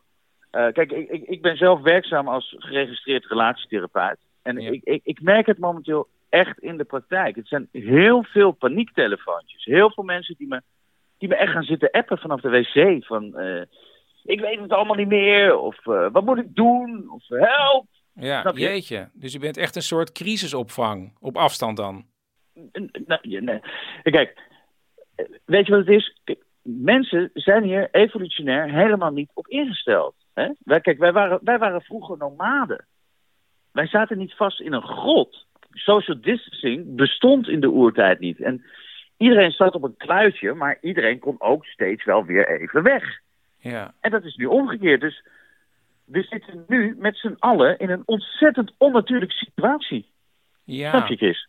Ja, maar als Ja. je het zo bekijkt, is het hele leven natuurlijk onnatuurlijk. Vanaf het ja, moment dat we niet meer in grotten wonen. Eh, hè? Heeft u zelf een relatie? Jazeker. Wacht even. Ik, ik, ik zet je even op. Chris, ik zet je even op speakerphone. Want ze komt net. Ze, ze komt net ik, kom dus, ik heb inderdaad een relatie met een pracht van een vrouw. Waar ik nog steeds elke dag hartstikke verliefd op ben. Toch, schat? Ja, ja lieverd. Ja. Nee, ga, nou, niet gaan hoesten nu. ja, dat gaat vanzelf. Ja, Zeg, dat- ik kan niet zo niet, niet, niet hoesten. Nee. Dat gaat. Ja. Oh ja, is Ja. dat corona? Ja, waarschijnlijk, Nou. waarschijnlijk wel. Ja, nou, dat denk ik dus niet. Ehm, ik denk dat, eh, ik zal het je uitleggen. Ik denk dat Marielle het moeilijk heeft met dat ze niet naar haar werk kan. Ze werkt in de, ja, ze werkt in de hospitality en dan ziet ze natuurlijk dat mijn praktijk wel gewoon doorgaat. Maar hij zit gewoon de hele tijd te appen op de wc met zijn patiënten. En dan is dat natuurlijk moeilijk. Dus dan, ja, dan gaat ze een, eh, een, eh, een hoesje ontwikkelen. Ja, maar Dat dat doet ze toch niet expres? Nee, Evert, inderdaad. Dat doe ik niet expres. Goed, Ik nou, moet gewoon hoesten, schat. Misschien Ja? is het corona. Het interesseert je nee. Kijk, als dit echt een lichamelijke klacht was, dan was het denk ik toch een ander soort hoesje geweest, Marielle. Ja, want ik denk, ik hoor jou de hele tijd zo doen. Ja, oh? Terwijl, als het echt, echt vanuit je longen zou komen, dan zou het meer zoiets zijn van... Doe eh, eens voor, doe eens voor. Zeg, sorry, sorry dat ik op de verkeerde manier hoest, meneer de therapeut. Ik ga blijven appen op de wc. prima. Nou, eh, die is eh, weg. Ik zet je even van de luidspreker af. Ja. Nou, dat Ja. lijkt me niet makkelijk. Nou, het valt wel heel erg mee hoor. Eh, Zeker vergeleken met waar mijn, mijn patiënten doorheen gaan. Maar je ziet hier wel aan wat een last het is als je een partner hebt met psychosomatische klachten. Oh, maar het is toch helemaal niet gezegd dat dit psychosomatisch is? nou, Chris, eh, neem me niet kwalijk hoor, maar elke, elke keer als ik de kamer binnenkom, is het... het lijkt me toch dat dat geen toeval is. Maar goed, eh, dat doet ze natuurlijk toch onbewust om aandacht te trekken. Ja, maar misschien hoest ze ook als u niet in de kamer bent. Ja, maar dat u dat nee. niet hoort, ja, omdat u er niet bij bent, dat kan toch? Nee, ja, precies. Nou, het is gewoon een super irritant kuchje. En ik kan er even niet meer tegen. Misschien toch proberen om ja, af en toe elkaar wat ruimte te geven? Ja, nou, daarom ga ik steeds maar even op de wc zitten. Dan ben ik even alleen. Hoewel, de oermensen hadden ook geen wc natuurlijk. Ja, dan kan ik even rustig appen. Snap je? Met patiënten. Oermensen konden ook niet appen. Maar goed, Ja, hoe dan ook. Er zijn veel relatieproblemen in deze tijd. En daar zou meer aandacht voor moeten zijn. Punt. nou, dat staat genoteerd. Ik geef het door. Heel goed, dankjewel.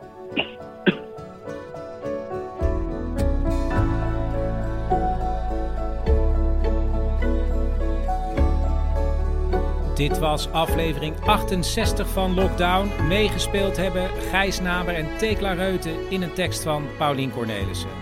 Heb je zelf een lockdown verhaal? Dan kun je drie woorden doorbellen naar 084 83 71 282. Ja, ben je ooit opgesloten geweest of ingesloten? Of ja, eh, je kan het ook overdrachtelijk zien. Heb je een bijzonder coming-out verhaal bijvoorbeeld? Ja, bel het door. Voor zometeen, slaap lekker Of anders, goedemorgen. Maak er een mooie dag van.